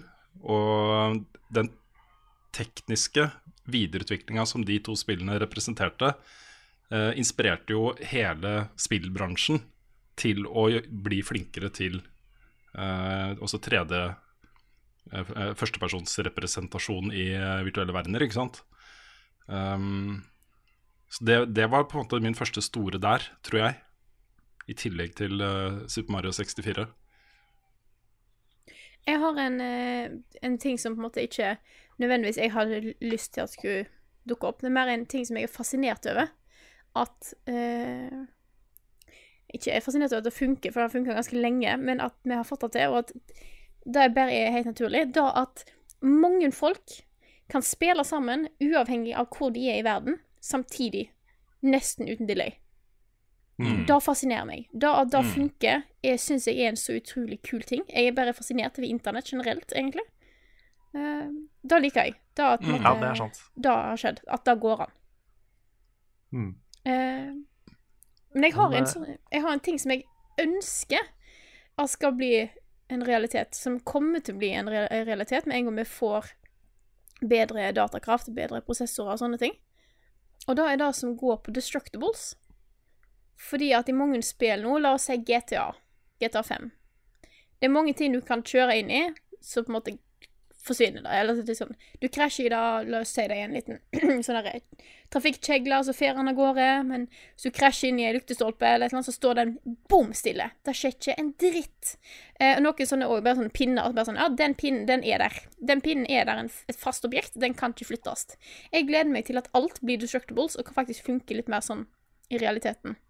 Det er en ting jeg gleder meg til. Med et lite stykke vekk ennå. Det er greit at det kommer seg litt i eksempel nye Battlefield. Der var det jo også en del bygninger som kunne sprenges og sånne ting. Det er kult. Og jeg gleder meg til det på en måte blir i enda større grad, da. Nå er det helt sikkert noen som kommer og sier at ja, det er en ting i det spillet der, det kan alt bli ødelagt. Eh, men jeg håper dere skjønner hva jeg mener, da. At, eh, Mm. Ja, i større skala, og mm, at du faktisk kan Du kan slippe liksom Du kan, du kan spåne en trøkk og slippe den ned på en bygning, og så sprenge bygningen. Ja. litt sånne ting, da. da ja. vi, vi trenger en del datakraft for at det skal funke, men jeg, eh, jeg håper vi kommer dit. Mm. En, eh, en litt mer sånn personlig ting, da, med sånn et spill noe et spill gjorde som jeg bare Oi, dette her går an. Uh, en litt sånn mindre ting. Det er da jeg spilte Undertale. For um, Earthbound er jo et av favorittspillene mine.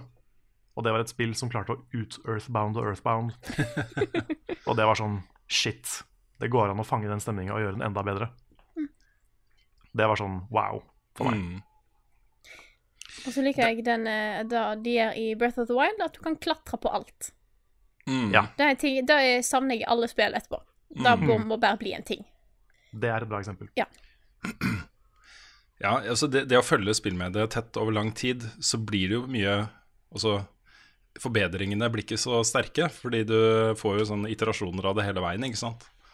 Um, det er noe annet også å se tilbake for 20 år siden, hvordan ting var da, kontra hvordan ting er nå. Med den bredden vi har i spillmedier i dag, og hvor mange unike typer, typer historier og settinger som er i spill i dag, kontra sånn ting var før, så har det jo skjedd utrolig mye.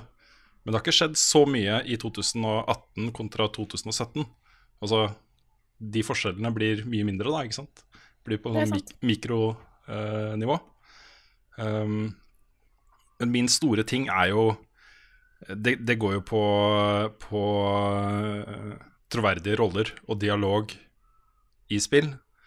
Alt som blir mulig i det øyeblikket eh, AI og eh, datakraft har kommet så langt at du kan eh, ha representasjoner av roller som er mye mer troverdige enn det er i dag, da. Mm. da det er på en måte den neste store tingen for meg, tror jeg. Mm. mer enn VR, Ja, for- mer enn andre ting. Ja, f- for det må jeg si da, fordi selv om ikke du får de samme grafiske, tekniske hoppa som du gjorde før, så har jo spill vokst noe helt enormt de siste fem åra, syns jeg. Mm, helt enig. Bare måten de blir skrevet på, måten de blir presentert på, pacing, eh, alt rundt det. Mm, Har blitt, det har blitt så mye bedre på så kort tid. det har det. Det syns jeg er eh, noe av, det, noe av det kuleste som skjer nå. Bare måten spill liksom klarer å raffinere hva et spill er. Det er også tilbake til uh, The Game Makers eh, notebook uh, fra anbefalinga. Det er jo en ting som Ted Price og Neil Druckman snakker en del om. At mye av hva skal man si, utgangspunktet for hvordan de tenker om å lage spill i dag, er jo basert på at de er eldre. De har blitt voksne, liksom. Eh, har andre, altså de, de ser på livet med nye øyne, eh, kontra det de gjorde da de starta å lage spill som 18-19-20-åringer. ikke sant?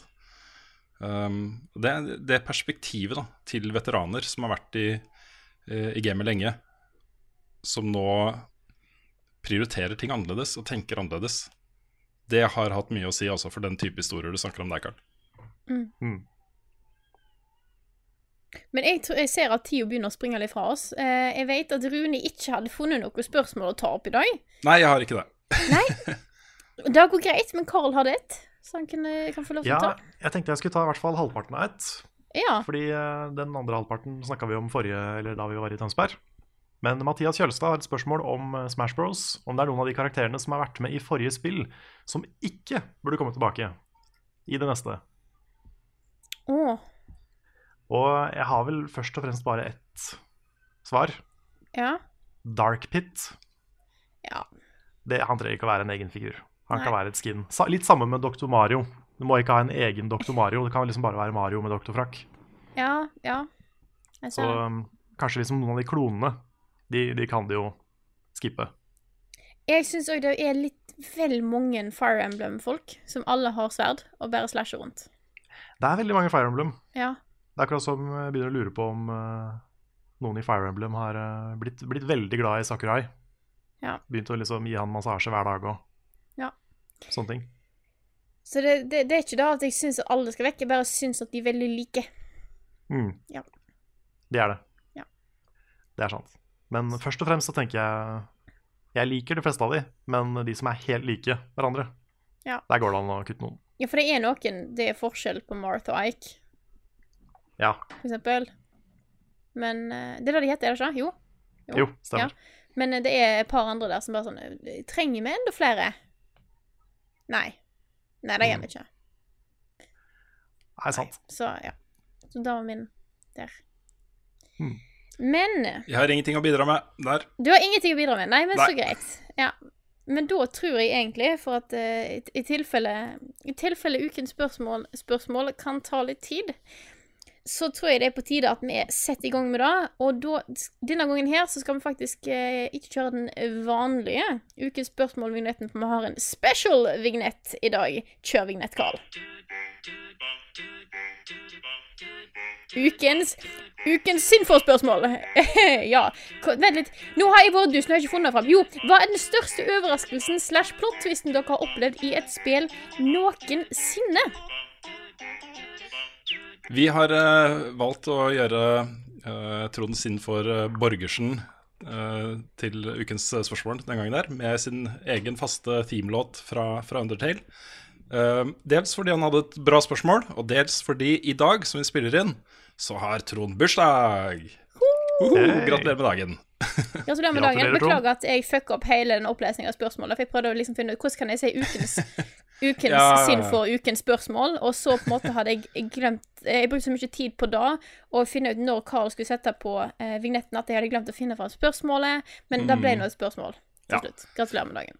Og grunnen til at vi tar det til slutt, er jo åpenbar. Vi har lyst til å snakke om dette her og ikke være så veldig redd for å spoile ting. Nå må vi jo være litt forsiktige oss imellom, da, i tilfelle vi spoiler ting som en av oss Ikke sant? La oss dobbeltsjekke at de andre ikke har spilt spillene. Ja, vi, kan det, vi må ha en sånn safe word, tror jeg, eh, i Ja. gjennomgangen her. Ja. Um, Kan, kan safe-wordet være thimble? Thimble er greit. Um, men uh, vi kommer ikke til å sånn, gå veldig, veldig veldig i dybden på spoilere. Men noen av de må vi snakke litt om, føler jeg. Mm. Så, så hvis du ikke har lyst til å bli spoila, så uh, kan du se dette som avslutningen på podkasten. Ja. Eller du kan ta en sjanse og håpe at vi snakker bare om spill du har spilt. Det går jo an til å høre til du hører at sånn, Nei, dette spillet vil jeg ikke høre noe om. Vi får legge inn liksom pauser mellom hver gang vi nevner et nytt spill. Mm. og skal komme med plot twisten. Kan jeg forresten bare nevne at jeg har funnet på et, eh, et norsk ord for plot twist? Hei, er klar? OK? Historiesnurrebasser. Oi. Historiesnurrebass. Historiesnurrebass. Ja. Mm. Den, eh, den får du inn i ordboka altså, Ja. på kort tid. Jeg syns den var fin, Du gikk ikke, du gikk ikke for historiesnurr, du gikk for historiesnurrebass. Ja, det var litt morsommere. Ja, det. Ja. Historiehurlumhei. Ja, ja. Ja. eh, jeg- Nei, men jeg- det du bruker på, nor eh, på norsk, er vel vendinger i historien. Eller historievendinger, ikke sant?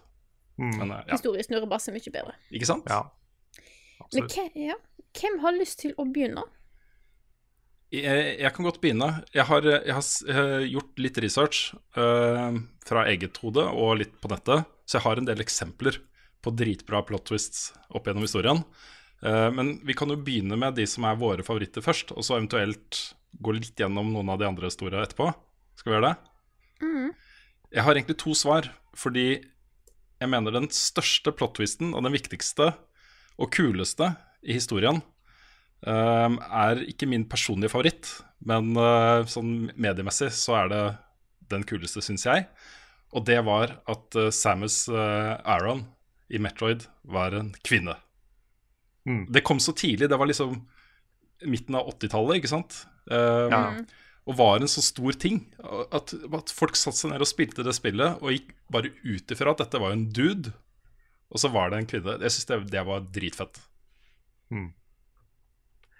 Ja, det, jeg visste det jo, for jeg hadde jo spilt Smash eh, før jeg spilte Metroid. Ja da, jeg spilte jo ikke første Metroid før mange år seinere, så da, var jo, da var det godt etablert hvem, hvem hun var, liksom.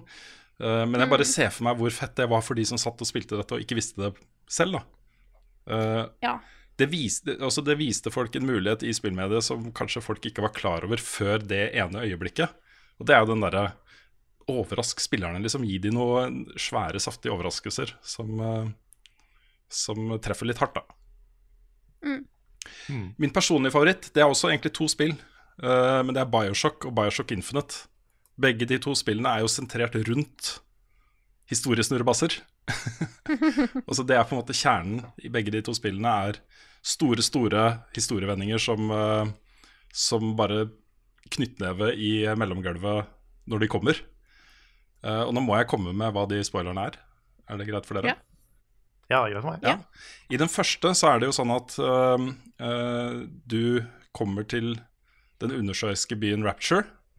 Um, og st første femtedelen av spillet så er det litt sånn Du føler sterkere og sterkere på hvorfor er jeg her, og hva gjør jeg her? Altså Hva er, hva er på en måte motivasjonen til den rollefiguren for å være her? Og det er jo fordi det legges inn en del hint da rundt omkring eh, som spiller litt på den derre uh, fjerde veggen-tingen. At jeg som spiller skal lure på ja, men ok, hvem er han fyren her egentlig? Uh, en del sånne rare hint og sånne ting. Og så viser det seg at du kommer derfra og har blitt eh, programmert til å gjøre det som blir sagt, når det, etterf altså når det, etterføl når det fore Når det først kommer setningen 'would you kindly'. Og han, Du blir jo spurt om å gjøre ting hele tiden. ikke sant? 'Would you kindly go there and do this?' 'Would you kindly open that door?' 'Would you kindly, would you kindly?' Og det er trigger-ordene. ikke sant? Det er triggersetningen som får deg til å bare gjøre det. ikke sant? For det første så er det en kul historietwist. Og så eh, den rollefiguren her sin rolle i Rapture og det som skjer der. Og for det andre så er det en utrolig kul kommentar til eh, spill. Også det å innta en spillrolle som spiller, og på en måte bare gjøre de tingene som spillutviklerne eh, sier du skal gjøre hele tiden. ikke sant? Kanskje ikke reflektere så mye over motivasjonen eller hvorfor du gjør ting. Du bare gjør det fordi du må, ikke sant? ellers så går ikke spillet videre. Så det var en veldig kul sånn eh, tosidig greie for meg. At jeg både liksom ble utfordra eh, som spiller, men også som på en måte litt sånn utenfor spillet. At jeg kunne tenke litt over eh, eh, hva det betyr da, å ikle roller i spill, f.eks. Ja. Den andre twisten er jo eh, fra Bioshock Infinite, hvor eh, du hele tiden kjemper da mot en protagonist eh, for å redde uh, en ung kvinne, Elisabeth. En, en antagonist, mener du? Eh, en antagonist, selvfølgelig. Jeg bare, nå snakker jeg fortere enn jeg tenker. Ja, Så, det er sånn podcaster er. ikke sant? Ja. Og plot-twisten er jo da at uh, han du kjemper mot, er deg selv. Og den du skal redde, er din datter, som du ga til deg selv. Altså, du ga fra deg henne um, fordi du var på en skikkelig bad place. Du var ordentlig ute å kjøre med gjeld og drikkeproblemer og alt mulig rart. Og i den, i den der helvete du var i, så ga du fra deg din egen datter til på en måte en parallell versjon av deg selv. Den sekvensen hvor du, hvor du går opp for uh, deg som spiller, at den rollefiguren du styrer, har plukka opp dattera si fra krybben og gitt det liksom gjennom en sånn portal til på en måte den slemme versjonen av deg selv. Hvor, jeg vet, vet ikke om man kan si det er den slemme versjonen, men en annen versjon av deg selv. Da, da det, det er Det var så sterkt. Det var så utrolig sterkt. Jeg er enig. Det er en, eh, det er en veldig, veldig stilig historie. Det er det. Den, den er jo på mange måter altså, jeg, Jeg har ikke prøvd å sette meg ned og finstudere historien. Jeg, jeg tror det er Nei. elementer her som ikke tåler en sånn veldig nøye scrutiny, hvis du skjønner hva jeg mener. Ja, det der, det der er litt interessant, faktisk. Fordi eh, jeg har hørt litt sånn på spillutviklere og liksom eh, ting folk har snakka om på GDC og sånne ting. Eh, og den, det er ganske mange som mener at den historien i Bioshock Infinite ikke har holdt seg så bra. Mm. At det er veldig mange elementer i den som Så fort du ser litt nærmere på de, så faller det veldig sammen. da Mm. Ja, det, Og det, det, jeg har bare spilt det én gang, så jeg vet ikke. det Det kan være at det er lagd for å liksom Det er lagd for å sjokkere. Mm, Eh, ja. Og dybden bak det er ikke der, på en måte. Mm. Det er dramatiske grep som får deg til å tenke 'å, wow'. uh, uten, uten at det nødvendigvis må reflektere så mye over det. Så, så jeg tenker at ok, eh, den historien får lov til å være sånn. Eh, den eh, må ikke henge fullstendig på greip for at jeg skal føle de tingene som jeg gjør. da. Eh, og jeg syns det er så stilig på slutten der, hvor eh, du får den der multiverse-tingen med Elizabeth og alt det der. Det er bare, det fyller meg med sånn derre oh, wow-følelse. Eh, så jeg blåser i om det henger på greip. Det er på en måte, Jeg syns det passer godt til et interaktivt medie. At, at den overdramatiserer ting på den måten. Med den svevende byen eh, ikke sant? og undersjøiske byen. eh, med den settingen der i, med eh, alle disse interdimensjonale plottelementene osv.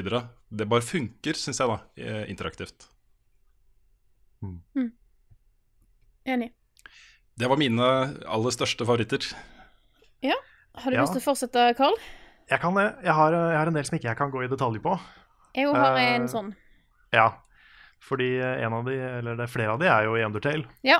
Mm. eh, Så det Sorry, kan jeg ikke Rune. snakke om. Nei. Sorry.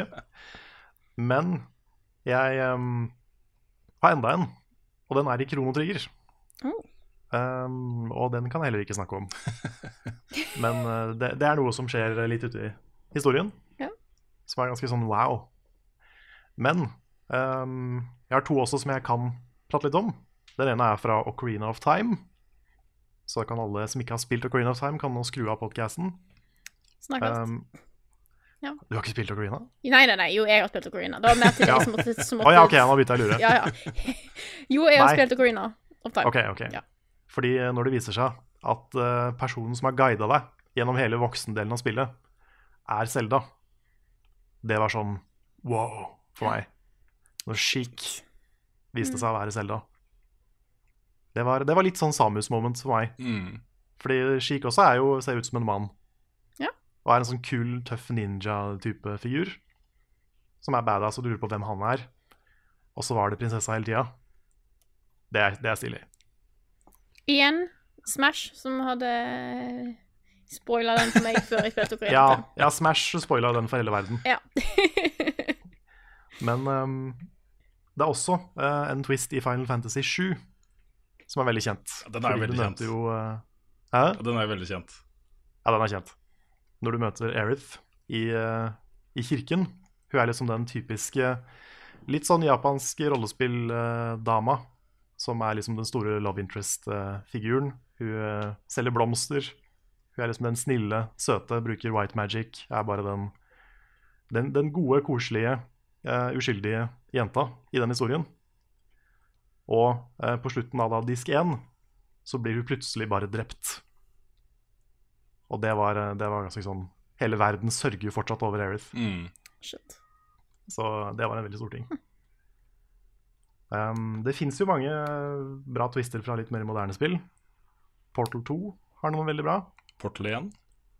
Portal 1, selvfølgelig. Mm -hmm. uh, det er jo den første liksom, store twisten i Portal, Mm. med, med GLaDOS. Men jeg liker også den twisten i Portal 2. Så for de som ikke har spilt Portal 2, for å skru av. Um, Vi mister det liksom det flere og flere. Det blir liksom å følge med på en skinet. Ja, bare viewer count, eh, bare. Ja. Men uh, når det viser seg at uh, du faktisk uh, kommer på lag med GLaDOS, Mm. det syns jeg kanskje var enda kulere. At Mm. dere ble liksom Dere, dere teama opp. Og i tillegg, på slutten, når hun faktisk lar deg gå, og sier på sin veldig sarkastiske, slemme måte at hun har blitt litt glad i deg, det syns jeg var veldig bra. Mm. Det var veldig, veldig bra. Den derre avskjeden med GLaDOS. Hvor hun liksom bare Hun kvitter seg med deg fordi hun liker ikke at hun liker deg litt. Mm. på en måte. Det er sånn jeg tolka det. At det liksom, hun, vil, hun vil ikke deale med det. Og så kommer den breakup-sangen på slutten, Ja. som er en breakup-sang. Mm. Jeg syns det er helt nydelig. Nå innser jeg igjen problemet med at jeg er sist, og da er det at uh, Carl tok portal-twisten min. Ja. Den ene portal-twisten min, fordi at uh, jeg har lyst til å snakke om uh, den som skjer i dag du havner nede i dette dype hullet sammen med Gladys. Og få høre om alt som Aperture Science faktisk har holdt på med. Mm. Og hvem Gladys faktisk er. ja. Fordi at Gladys er jo Ja, nå igjen spoiler. De som har spilt Portal 2, har forsvunnet allerede, så det er good. Nei, de som ikke har spilt Portal 2, har forsvunnet allerede, så det er good. Da at uh, alt det som de har holdt på med i, i Aperture Science, med Cave Johnson, som er jo fullstendig gal, uh, men òg en fascinerende type. Det er Cave Johnson dette, er det ikke? Jo. Jo. Eh, og at det er hennes, nei, hans kone, eh, Catherine, som eh, Hun ble vel sjuk? Eller et eller annet sånt? ja, jeg er husker ikke helt hva som Nei, ja. i hvert- hvert fall så har han da tatt hennes personlighet og putta på en datamaskin, og da er Gladys. Hmm. Den liker jeg. Den plutselig får, får den bakhistorien. da. Plutselig bare sånn Mm. Shit. Mm. Aperture Science var eh, Vi visste allerede at det var en fucka plass, men eh, de har gjort mye bad. Det er gode historier, Kanskje- det der, altså. Det er Det det. er det. Kanskje vi skal skrive et sånt 15 minutters videoessay om Portal 2. Ja, kanskje da. Ja, hvorfor ikke? Det går an å gjøre det. Kan jeg få gå Jeg gjennom har- noen andre Å, du har flere? Nei, for, for jeg har jo det problemet at jeg har veldig lyst til å snakke om Undertale. Ja. Men det går veldig dårlig akkurat Ja nå. Sånn at mm. eh, da kommer til å eh, Jeg kommer til å snakke masse om da de neste episodene er full med tull. Da er det bare til å eh, eh, gjøre seg klar, fordi at jeg eh, har mye Mye, mye, mye å si, og det tror jeg Karl òg har. Så da. Ja, jeg, kan, jeg kan ikke melde kommer, meg jeg kommer til å trenge en uke på å redigere de siste. Ja, ikke. Det kommer til å bli lange. Men jeg kan jo ikke, jeg kan jo ikke bare si takk for meg og så øh, stikke heller, vet du, fordi jeg skal jo klippe dette her etterpå. Så, Ah, ja. så det er bare hold dere unna Undertale. Ja. men kan jeg få gå gjennom noen av eh, de mest kjente plot-twistene i, i spillenes historie? Det er en del fine her. Ja, kan, kan jeg nevne en siste en før du gjør det? Gjør det. Fordi jeg må jo også nevne Earthbound. Mm. Fordi det er et spill som er så koselig og det er litt sånn barnevennlig, jovialt og hyggelig gjennom hele spillet. Helt fram til du kommer til siste boss. Og da blir det et mareritt. Og det blir så ekkelt og så mørkt og så liksom psyk psykologisk fucka. Helt ut av ingenting. Eh, inspirert av da skaperen av spillet gikk inn på en voldsscene da han var liten og ble traumatisert. Han har putta den opplevelsen inn i spillet. Mm. Og det er ganske, det er ganske sjuk overgang mellom liksom den koselige, vanlige, barnevennlige delen og den der siste bossen. Mm. Jeg har ikke tatt siste boss i Urban, men jeg er ikke overraska over at det går sånn. Nei, Fordi at det, det er en del ting i Earthbind, Earthbind, eh, Earthbound fram til der jeg er nå. Eh, når spilte jeg Earthbound sist? Sånn tre år siden. Eh, der du merker at ting er Det, det, det er litt sært. Mm. Så jeg er ikke ja, er- overraska over at det blir verre, på en måte. Nei, det er hint om en sånn mørkere verden inni det spillet. Du har jo famously de der uh, happy happiest-folka, som er Ja. blå Ku Klux Klan-medlemmer. det er mye sånt. Mm. Så det, er jo, det fins jo mørke ting i spillet, men uh, siste bossen er den som virkelig bare slår deg i trynet med det. Mm. Også Mother 3, for så vidt. Der også er det noen sånne twister. Mm. Greit. Nå, nå blir dette her litt som den T-skjorta som er ganske kjent. Som hvor det bare står alle de store plot-twistene fra filmer. Ja. Jeg vet ikke om dere har sett den. Den er veldig kul. Dumbledore dies. Ikke sant? På det nivået. Ja. Bare sånne statements. Tettpakka. mm. Verdens slemmeste Ja, ikke sant? Verdens eh, slemmeste T-skjorte. Så her blir det bare en serie med sånne spoilere fra store, kjente spill. Eh, Uh, Brace yourselves, og stopp meg hvis, uh, hvis det er viktig. OK? Mm. okay. Uh, på min shortlist, da, det her er sånn som kunne nest, Det er nesten på nivå med Bioshock. Eh, det er Silent Hill 2. Eh, det har en helt fantastisk start, for du starter med at hovedpersonen bare står og ser seg selv i speilet på en, et toalett på en bensinstasjon, før han er på vei inn i Silent Hill. for å lete etter kona si. Og plot-twisten er jo at han får se eh, i spillet seg selv på video ta livet av kona si. Det passer så utrolig bra til stemningen i spillet og til hele opplevelsen. En sånn ordentlig sånn der holy shit-øyeblikk.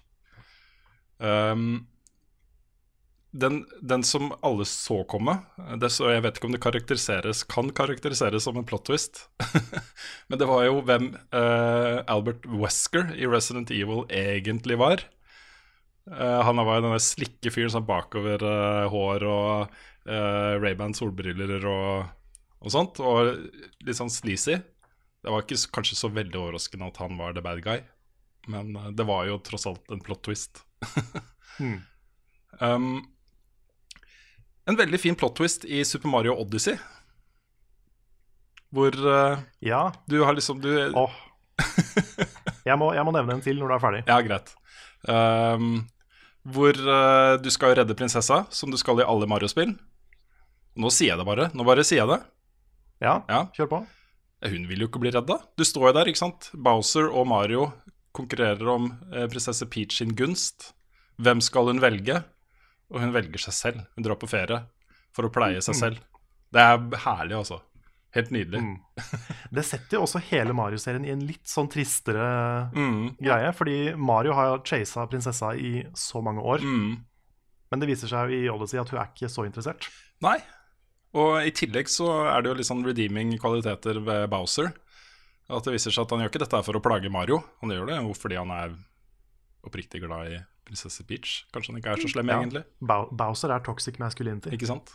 Og så har du jo da i Super Mario Sunshine, der eh, det er en eller annen sånn Paint Mario som kidnapper prinsesse Peach. Og bare sånn 'Hvem er dette?' Og så er det spoiler alert.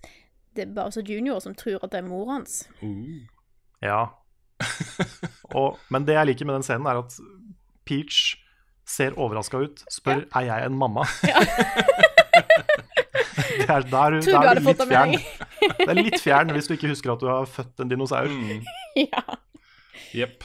Mm. Uh, det er en helt nydelig, uh, fantastisk plot twist i Braid. Som, uh, ja. som, på en måte gjorde spillet. For det første så var det jo Sånn i utgangspunktet så tenker man at dette er et utrolig interessant spill gameplay-messig. Hvor du kan spole tilbake tida for å løse puzzles. Veldig intelligent, smart designa. Um, men så er jo på en måte hele den mekanikken om å spole tilbake tida er jo knytta til plot-twisten i historien. Hvor du tror hele tiden at du jakter på ditt livs kjærlighet. Uh, men det viser seg da til slutt at uh, hun på en måte rømmer fra deg. At du, det er du som er problemet her. Og da bruker du liksom rewind-funksjonen til å spole deg tilbake. Ikke sant? Jeg, jeg får frysninger bare av å tenke på den scenen. Ja, det er helt fantastisk. For det siste banen i det spillet, siste, siste level, det viser jo ting i det du tror er eh, framover-film. Mm. Hvor du, eh, du, ser en sånn skummel eh, night dude som jager prinsessa. Eh, du åpner veien for hun for at du skal komme seg unna han. Men så ser du det i revers, som da er sånn det egentlig var. Og da ser du at hun rømmer fra deg. Mm. Du prøver å blokkere veien, og han andre prøver å redde henne. Mm. Og du er den creepy stalker-duden som er ute etter henne. Yep. Det er herlig, det altså. Er så, det er så ekkelt, og det er så kult gjort. ja, det er utrolig. Dette har jeg ikke spilt, så Ah, da spoila vi det for deg. Det var fint at jeg ikke spiller. Jeg, hadde, for at, jeg bare hørte ikke, visste ikke hva spillet var nesten engang. Så det er på en måte Det er ikke et som sto på liste over ting jeg skulle komme gjennom. Mm. Så det går greit. Ok, ok. Det er en flott en på slutten av Red Dead Redemption. Hvor du har uh, fiksa alt. Du har gjort alt det du skal gjøre. Du har uh, sørga for at din, at din, og din families fremtid er sikra. Dere er trygge. Og så kommer da hele gjengen. Myndighetene og innleid hjelp og knerter deg, dreper deg. Og så er det den andre plot-twisten. Er at du etter, etter en del år så spiller du som sønnen til hovedpersonen i Red Redemption, og kan da velge om du skal dra og ta hevn over drapet på faren din. Uh, herlig. Veldig bra. Ha. Scott Shelby var morderen i Heavy Rain. ja. Privatdetektiven som etterforska drapet. Det, det, gir jo så lite mening òg.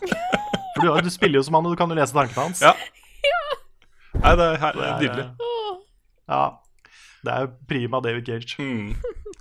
Og så er dette her et spill jeg ikke har spilt, men hvor uh, uh, klassikerinnslaget til Pollen Stavik uh, fikk meg til å bare være sånn wow. Uh, Og det er Star Wars Nights of the Old Republic, hvor du spiller som en uh, Jedi Master.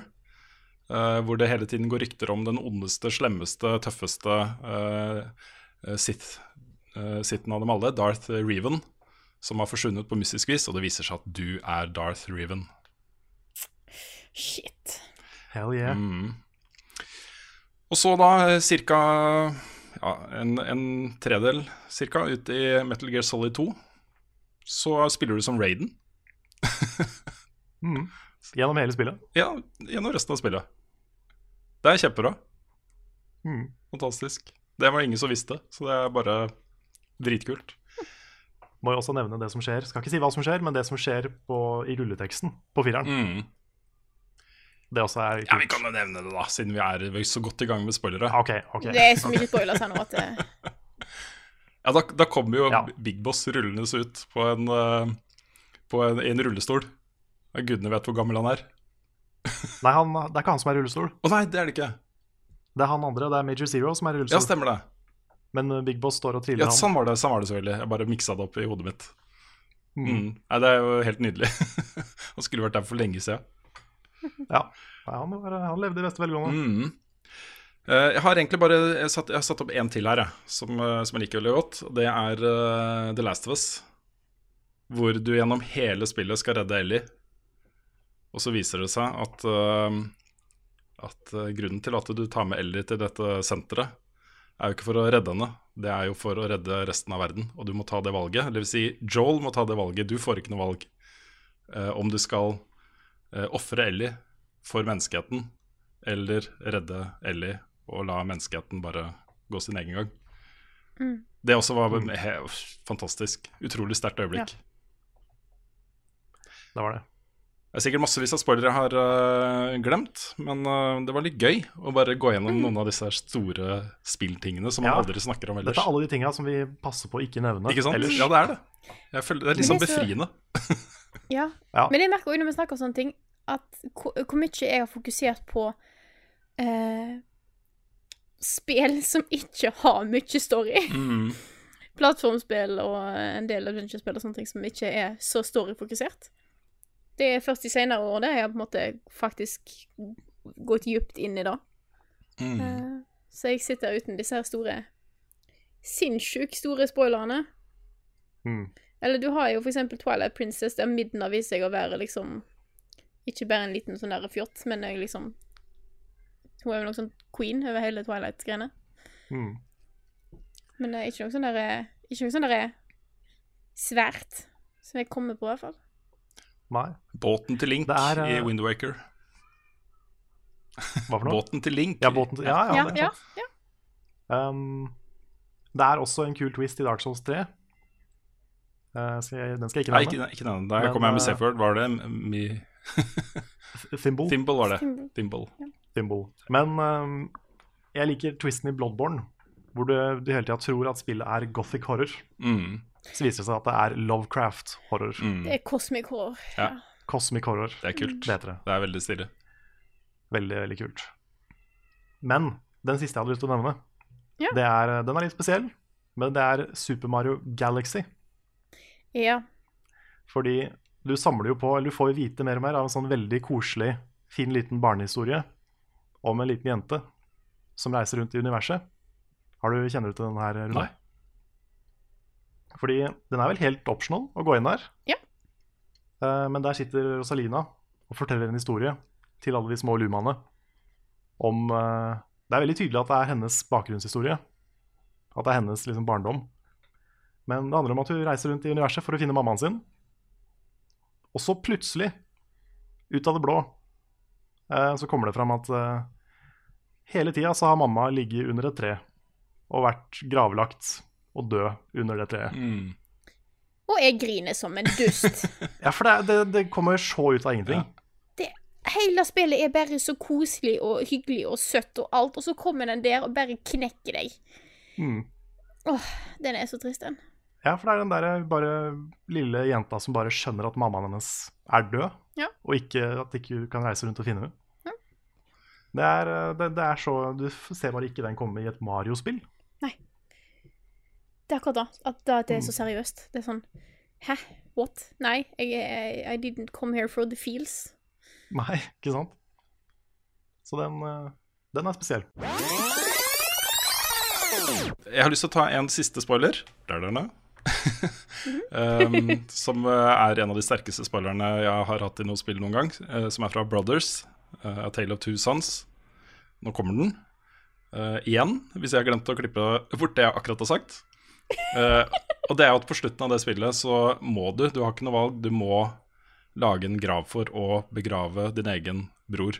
Og det blir liksom ekstra sterkt, for i starten av spillet så ser du at moren til disse to guttene drukner.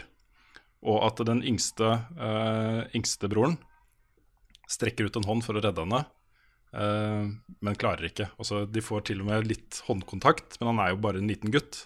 Han har ingen mulighet til å dra mora si opp av båten, og hun forsvinner ned i vannet. Og så blir faren deres dødssyk, og de to brødrene reiser ut for å finne eh, en plante, tror jeg det er, et eller annet han trenger til å lage medisin, sånn at faren deres kan overleve. Og så skjer dette her, da. Åh. Nei, det er uh, Det var en skikkelig downer-slutt på episoden for min del. Ja, den er, den er kjip. Ja, fytti rakkeren. Mm. Og med den hyggelige avslutningen der, så hvis ikke det er noen som har noe koselig å si istedenfor, sånn, så letter det på stemningen til, til de sånn fire seerne- lytterne vi fortsatt har igjen etter å spoile alle spill. jeg likte på slutten av Yoshi's Story når du fikk The Happy Happy Tree tilbake, og alle ble glad. Mm. Ja, det er fint. ja. Mm. Hetta faktisk Happy Happy Tree. Ja. Det er snart vår, folkens. Vinteren er snart over. Blir det varmt Ja. og grønt igjen. Og Mm. Ja. Det blir bra. God of War ja. rett rundt hjørnet. Ja. Sikkert noen som dør i det òg. Og med den positive innstillingen der, så tror jeg vi får eh, takke først til alle de som støtter oss på Patron. Dere er fantastiske folk, herregud. Det er dere. Vi eh, Absolutt. klarer oss faktisk ikke uten dere. Så det setter så utrolig stor pris på alle dere. Hvor mange er det nå, da? 1000 og Ja, kom igjen, da. 71 føl- nei, støttere på Patron. Helt fantastisk. Hvis du har lyst til å bli en del av den gjengen, så er det bare å gå inn på Patreon vår, eh, Level Up Norge, og støtte oss med det beløpet du har lyst til. Da blir vi veldig glad. Mm. Da blir vi Det litt mer happy enn da vi er nå etter at vi snakker snakka bare om triste ting og folk som dør. Det er faktisk det eneste som kan gjøre meg godt humør igjen nå, det er uh, at vi får inn uh, flere Patreon-backere. Det er det. Ja. Rune kommer til å sitte og gråte i et hjørne Mm. fram til Ja. det kommer en ny Patreon. Vil dere virkelig gi den barndommen til barna mine? Altså, En pappa som sitter i hjørnet og gråter? Nei, det vil Hele dere ikke. Det vil dere ikke. Vår nye Patreon-strategi er å guilt-trippe Ja. alle som hører på til å Ja, vi, er, vi har ikke prøvd den før, så kanskje vi skal gjøre det. Nei, vi har ikke det. Har ikke det. Hvis dere lurer på liksom, ja, har dere noen nye planer om eh, hvordan dere kan få inn flere backer på Patron, her har dere brainstorming, folkens. Nå skal vi, vi skal bare Ja, guilt trip. Vi har jo snakka om Mm, Vi skal, vi skal guilt-trippe seerne våre ved å bruke barna til Ja, ja men det, vi har jo snakka om å gjøre det på gøy, og så lage en sånn morsom eh, kampanje. Hvor, Ja. hvor vi bare overfokuserer på hvor forferdelig vi har det. Mm. Ja. Få Sam til å si sånn 'Pappa, jeg ønsker meg mer enn noe annet enn lekerobot'. Mm. Altså, ja, Sam, jeg skjønner det, men Men vi har ikke penger. Pappa, pappa, jeg har så lyst på pålegg på knekkebrødet mitt. Beklager, gutten min. Men hvis vi får flere backere på Patron, så lover jeg da skal du få, en, eh, få gulost eller noe sånt på knekkebrødet ditt. Mm. Sånne ting, liksom. Det har vært kjempegøy, da. Ja. Skulle ønske jeg hadde noe å henge knaggen Henge jakka mi på. Nei, vi måtte selge nåla i veggen. Ikke sant? Og med det så tror jeg at eh, vi får eh, takke for oss. Eh, takk for at du hørte på denne episoden av Level Backup. Og så snakkes vi igjen neste uke til en kanskje litt mer positiv episode. vi får nå se. Ha det bra.